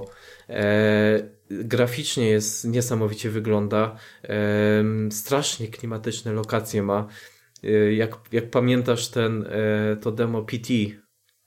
Wiesz co, ja sławne. nie grałem. No ale widziałeś na pewno jakieś materiały. Ja za horrorami, tak samo z Residentem, więc tutaj wiesz, no... Ale, ale widziałeś na pewno jakieś materiały, nie? Z PT, ja nie wgłębiałem się w to filmiki. zupełnie, jestem tu... Wiesz, czysta karta. No, jeżeli ktoś widział y, PT, to w zasadzie ten Resident robi to, co Silent Hills miało, miało chyba zrobić. Zobaczymy jak z pełną wersją, ale demo tak mnie do tego nastawia. Jest strasznie klimatycznie, jesteśmy e, w jednym, w jednym domu, w którym e, gdzieś tam eksplorujemy, budzimy się w tym domu, eksplorujemy ten dom i tam to jest strasznie kameralne. jeszcze pod nim, coś mi się obiło. Tak, tak, ale to jest wszystko strasznie kameralne i, i, i właśnie używa bardziej środków takich klimatycznych niż nawet jumpscare'ów. I, I to mi się strasznie podoba, bo to jest y, jeden z niewielu horrorów, przynajmniej to demo, znowu podkreślam, bo być może demo jest zupełnie inne niż pełna wersja, tak też może być. E, robi to strasznie klimatycznie Resident Evil 7 i warto, warto sprawdzić, głównie dlatego, że nawet jak ktoś nie lubił właśnie tych poprzednich części, a lubi horrory, to po prostu warto zobaczyć. A jak ktoś nie lubi horrorów, no to to też, też nie jest jakoś e, strasznie, strasznie straszny tytuł. strasznie tylko, straszny tylko tytuł. Jest, no tak, tylko jest e, bardzo klimatyczny. To jest to, że on manipuluje klimatem, a niekoniecznie jakimiś e, właśnie potworami i jumpscarami. I to mnie pozytywnie taki, zaskoczyło. W takim klimacie chciałbym zobaczyć jakąś grę dziejącą się w świecie mitów Cthulhu. Niekoniecznie w latach dwudziestych, ale właśnie w świecie, ten, w świecie z mitami Cthulhu. Bardzo bym chciał. Aha. A to, ale zdaje się jakaś gra, Cthulhu chyba powstaje właśnie na 2017 rok, nie? Wiesz co, nie wiem. Ja powiem szczerze, ostatnio dużo du nie śledzę branży tak jak śledziłem kiedyś, zapowiedzi i tak dalej. Ponoć coś tam jest, ale wiesz, no, jak zobaczę ten, jak zobaczę to, jak zobaczę to uwierzę po prostu. Zaraz ale bardzo, powiem. bardzo jest, bardzo jestem ciekawy. Nie ma niestety. Data premiery 2017 y, tylko jest napisane, czyli o tyle miałem rację. Coś ma wyjść. Oczekiwania, oczekiwania, y, ocena, ocenę w oczekiwaniach ma 9,3. No, widać, że. To jest ciekawe. No wygląda, wygląda fajnie. No to jakieś tam screeny się pojawiły tylko i też może być bardzo klimatyczne. Niech zgadnę. Są macki. Nie, nie widzę właśnie macek żadnych. To bardzo dobrze. Ale Bardzo to... dobrze. Prawdziwy horror, prawdziwy Cthulhu to jest po prostu coś, co straszy możliwością, obecnością, a ten kłąb macek jest, powinien być moim skromnym zdaniem bardziej, bardziej w twojej wyobraźni, jako coś, czego się boisz, czego się obawiasz, niż coś, co się pokazuje na ekranie w całej swojej paskudnej i oślizwej okazałości. No to może być ten, to może być ciekawe, e, to właśnie, ale właśnie, ty, ty lubisz Cthulhu, tak? Grałbyś na przykład Uwielbiam. Grałbyś w RPG, z Marcinem przecież graliśmy w e, Call of Cthulhu RPG. Ale czy w taką grę byś grał? W sensie to, to co ma wyjść, no nie wiem, to będzie pewnie właśnie taki horror, action, nie wiem, Wiesz adventure. co, musiałbym zobaczyć, musiałbym zobaczyć co to będzie, bo wiadomo, że nie każdy ten, nie każdy Cthulhu jest, wiesz nie, nie, każdy, nie, każda gra, nie każda gra w sieci mitów jest fajna, ale powiem szczerze, na, pewno, na pewno z chęcią bym zobaczył. Aha, tutaj y, taka informacja, y, Call of Cthulhu, ta, ta gra, która ma wyjść właśnie w tym roku, y, ona jest tworzona przez ludzi odpowiedzialnych za Sherlocka Holmesa, więc to też może w jakimś stopniu wskazywać na typ rozgrywki który się w tym tytule pojawi. To może być, może być ciekawe. Z tego co wiem, Sherlocki Holmesy od tej firmy są bardzo ciekawymi grami, więc kto wie. Sherlock Holmes Crimes and Punishments. Eee, no, to tam wyszło dużo tych Sherlocków, więc ja, ja straciłem kompletnie. Nie wiem, akurat w to też nie grałem, bo jeżeli chodzi o Sherlocka, to kiedyś bardzo lubiłem E, klasycznego tego Conan Doyle'a, potem jeszcze były polskiego autora chemiczne przygody Sherlocka Holmesa, też mi się to bardzo podobało. Natomiast teraz y, oglądamy tego nowego Sherlocka na BBC z Cumberbatchem, no i po pierwszym odcinku czwartego sezonu jest hmm. Ale hmm. to już dygresja. Hmm, to znaczy dobre hmm, czy złe? Hmm? Nie rozpoznaję. To jest takie, że jeżeli tam w, poprzed, w pierwszym, drugim sezonie pokrętu odpowiedzialne za wszystko były podkręcone na 80%, tak to są podkręcone na 180%, to jest lekka przesada. Jak dla mnie, okay.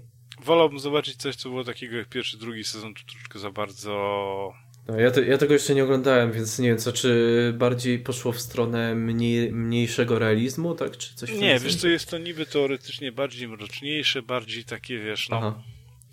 trochę, no, nie, nie, chcę, nie chcę mówić, żeby, żeby nie spoilerować. Pamiętasz końcówkę odcinka specjalnego? Ja właśnie nie oglądałem, nie oglądałem tego. To obowiązkowo obejrzyj odcinek specjalny, ten, że tak powiem, y, który się dzieje w, y, e, no wcześniej, ja Sherlocka ogólnie, ogólnie obejrzę, ale yy, no, całość, natomiast jeszcze nic nie widziałem, więc... To może tak, zacznij, zacznij zgodnie z chronologią i powiem, mhm. jak dla mnie najlepsze są pierwsze, ten, pierwszy, pierwsze dwa sezony, ale to już, to już jest, wiesz. Masz jeszcze chwilkę, bo mówisz, że masz mało czasu. Chciałem tylko, skrócę i tak, ale chciałem powiedzieć o tym, o, o Screamie, no właśnie z seriali. To tak chwilkę, bo no też nie dobra. będę rozgadywał, bo jest to też serial, który się opiera w dużej mierze na fabule, więc... Yy, bez spoilerów. Y, jest taki serial, powstał, y, nie pamiętam nawet czyjej produkcji, ale pojawił się na Netflixie jakiś czas temu, też nie wiem dokładnie kiedy, mniejsza z tym. Najważniejsze jest to, że powstał serial Scream, czyli Krzyk. E, jest to, no filmy są znane, większość osób zna, bo były to hity lat 90., 2000 chyba jeszcze, nie? Jakoś tak to te, te krzyki wychodziły z tego co pamiętam te filmy. Średnio lubię horrory. Ostatni horror, jaki lubię, jakie ten, czy horror, czy pseudo-horror, to były Hellraisery Barkera. Które no tylko, że, tylko, że właśnie to... Potem, potem mniej, także... Tylko, że nawet to nie są horrory, słabo. to są slashery, nie? Takie to też Aha. nawet, to nawet bym nie nazwał horrorem. Mm, a jak zwał, tak zwał. W każdym razie, jak ktoś oglądał krzyki, no to to jest właśnie, powiedzmy, bezpośrednia e, spuścizma formuły krzyku. Nawet to nie jest, nie wiem, czy dobrze to powiedzmy jakoś określam, ale chodzi o to, że e, to nie jest jakaś kontynuacja powiedzmy fabuły z e, poprzednich krzyków, filmów, tylko jest to serial oparty na samym klimacie tych filmów i e, zaintrygowało mnie to tyle, że zanim zacząłem oglądać, nic o, czym, nic o tym nie czytając, jak to mam w zwyczaju, po prostu rzucam się na głęboką wodę, e, zaintrygowało mnie, że powstaje w ogóle serial na podstawie e, slashera filmu. Jak można zrobić film, w którym e, główną, główną osią jest zabijanie głównych bohaterów, powiedzmy. W jaki sposób można to no... przeciągnąć na cały serial? O, bardzo prosto. Czytałeś taki komiks jak Requiem Chevalier Vampire? Nie. Wiesz, w pierwszym, w tym, y, na, pierwszy, na pierwszych stronach tego komiksu główny bohater umiera. A potem się zaczyna jazda. E, no dobra, no ale powiedzmy, y, nie pamiętam ile to, tam wyszło kilka sezonów tego, tego krzyku, obejrzałem to wszystko, tak dobrze mi się oglądało, to tak od razu mówię, że e, bardzo dobrze mi się to oglądało. Natomiast y, rozwiązali to w ten sposób, że właśnie tam aż tak dużo ludzi nie umiera po prostu, w tym sensie, że głównie jest tam budowana historia i cała opowieść wokół tego, co się tam dzieje. Niekoniecznie jest tyle tej rzezi.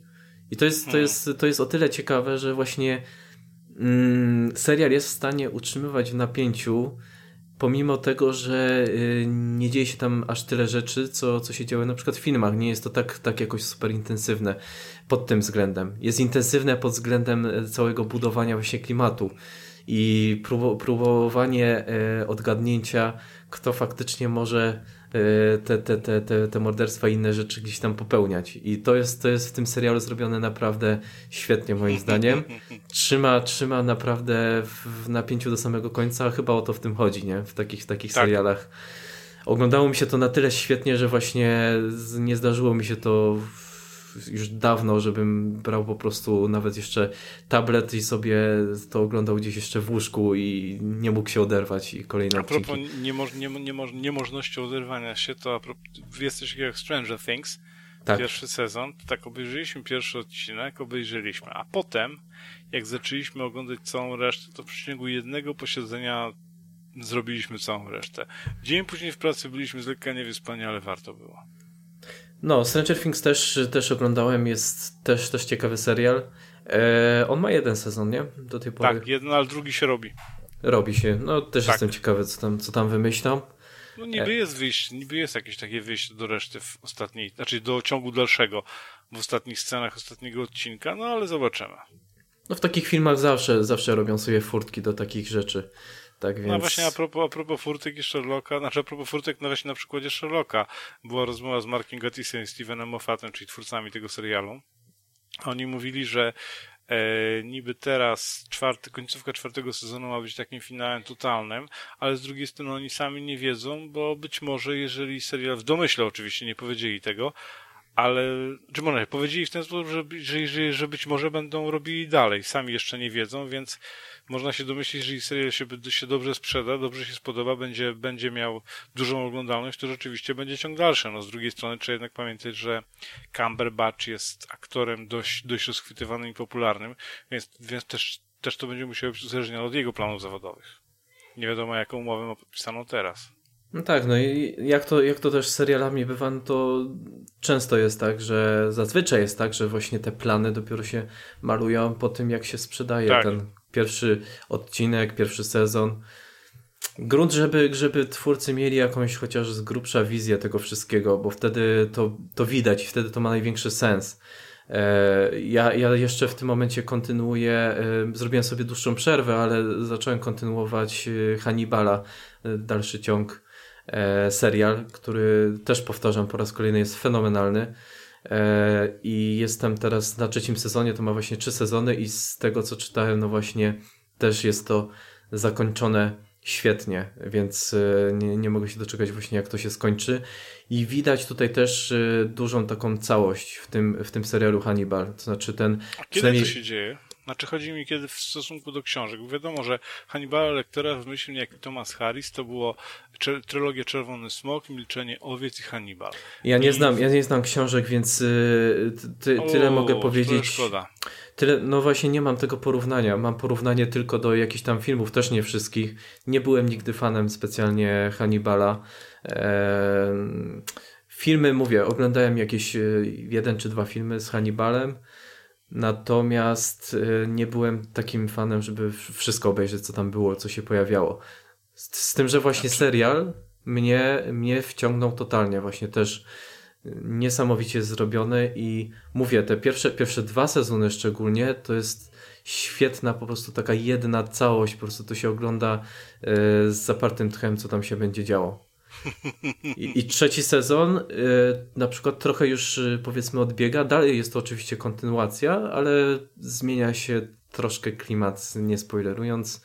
E, dalej jest ciekawy, tak? Dalej jest to cholernie też klimat, klimatyczny właśnie serial i on się tak wylewa po prostu ten klimat tego serialu jak z żadnego innego. To jest tak, że yy, to jest mroczne, tak? To jest mroczne i pod każdym względem to jest mroczne. Yy, pod względem oprawy dźwiękowej, pod względem stylistyki kolorystycznej, z ujęć i tak dalej. I to jest zrobione mistrzowsko moim zdaniem. Tak więc y, do, do Hannibala jeszcze na chwilkę wrócę pewnie jak skończę, żeby chociaż zdać relację, czy, czy faktycznie ten, to zakończenie mnie jakoś tak e, wbiło w fotel. To ja powiem też coś więcej, też powiem coś więcej o Sherlocku, jak skończymy, ty, bo na razie tylko jeszcze ten, tylko... właśnie na BBC. No, ja tylko jeszcze chciałem powiedzieć, e, że, no. że Hannibal, bo pytałeś, jak dzieje się w stosunku do książek. Ja podejrzewam, że on się dzieje E, on bierze wszystkie te od początku do końca te tematy z, z książek. Patrząc na to przynajmniej jak jest fabuła prowadzona, e, jak były filmy też, tak? To, to, się, to się jakoś pokrywa i podejrzewam, że oni wzięli materiał całościowy, ale nie dam głowy, to właśnie musiałby obejrzeć ktoś tak jak ty, kto miał styczność z książkami. No, czy wiesz, no ja pamiętam kiedyś i książki lubiłem i filmy lubiłem o Hannibalu, ale potem jakoś tak, potem jak, jakoś tak mi to przeszło. Pan to wiesz, jeżeli chodzi o Hannibala Lectera, to jak dla mnie, no, jest tylko jeden Hannibal Lecter, nazywa się Sir Anthony Hopkins.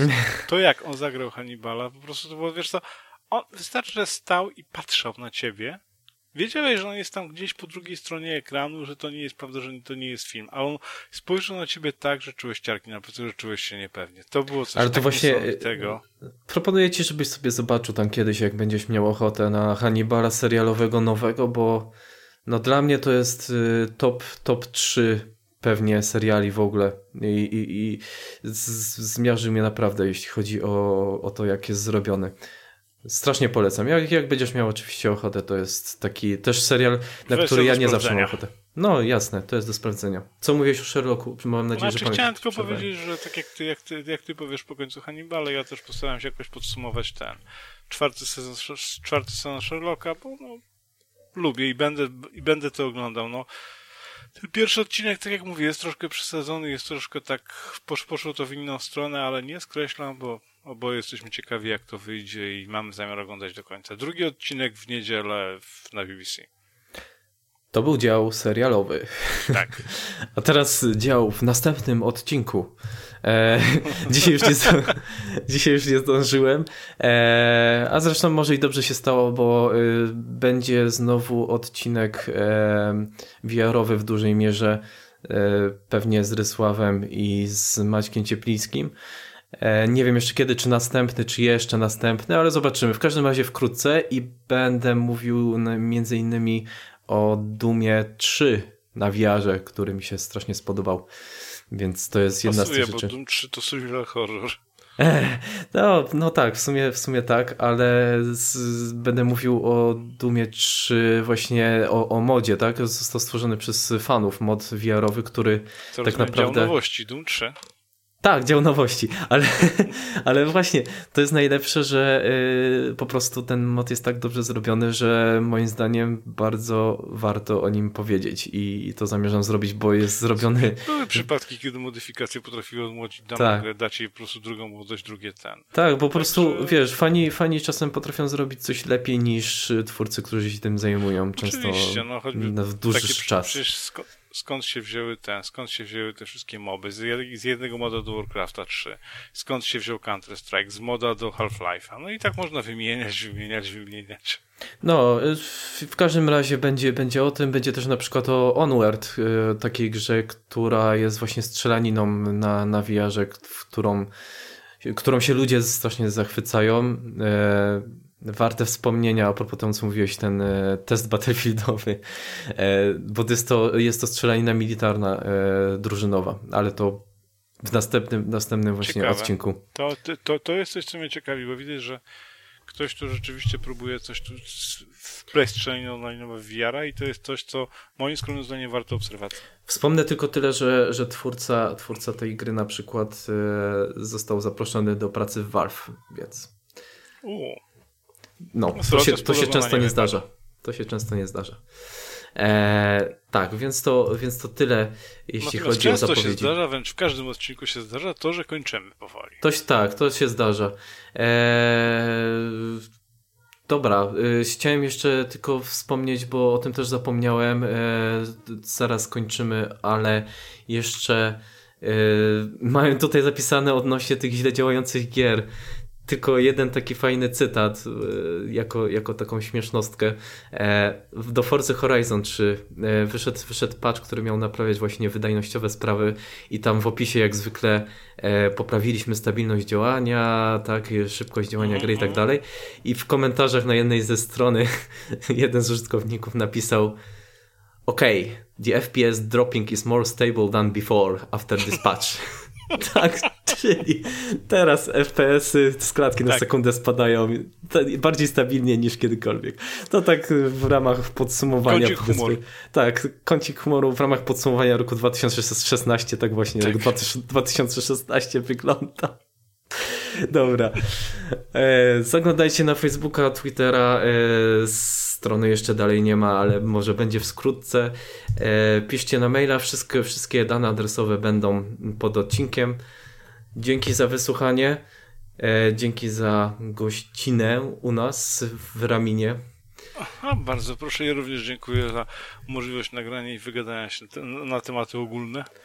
No i do usłyszenia następnym razem. Cześć. Na razie, cześć.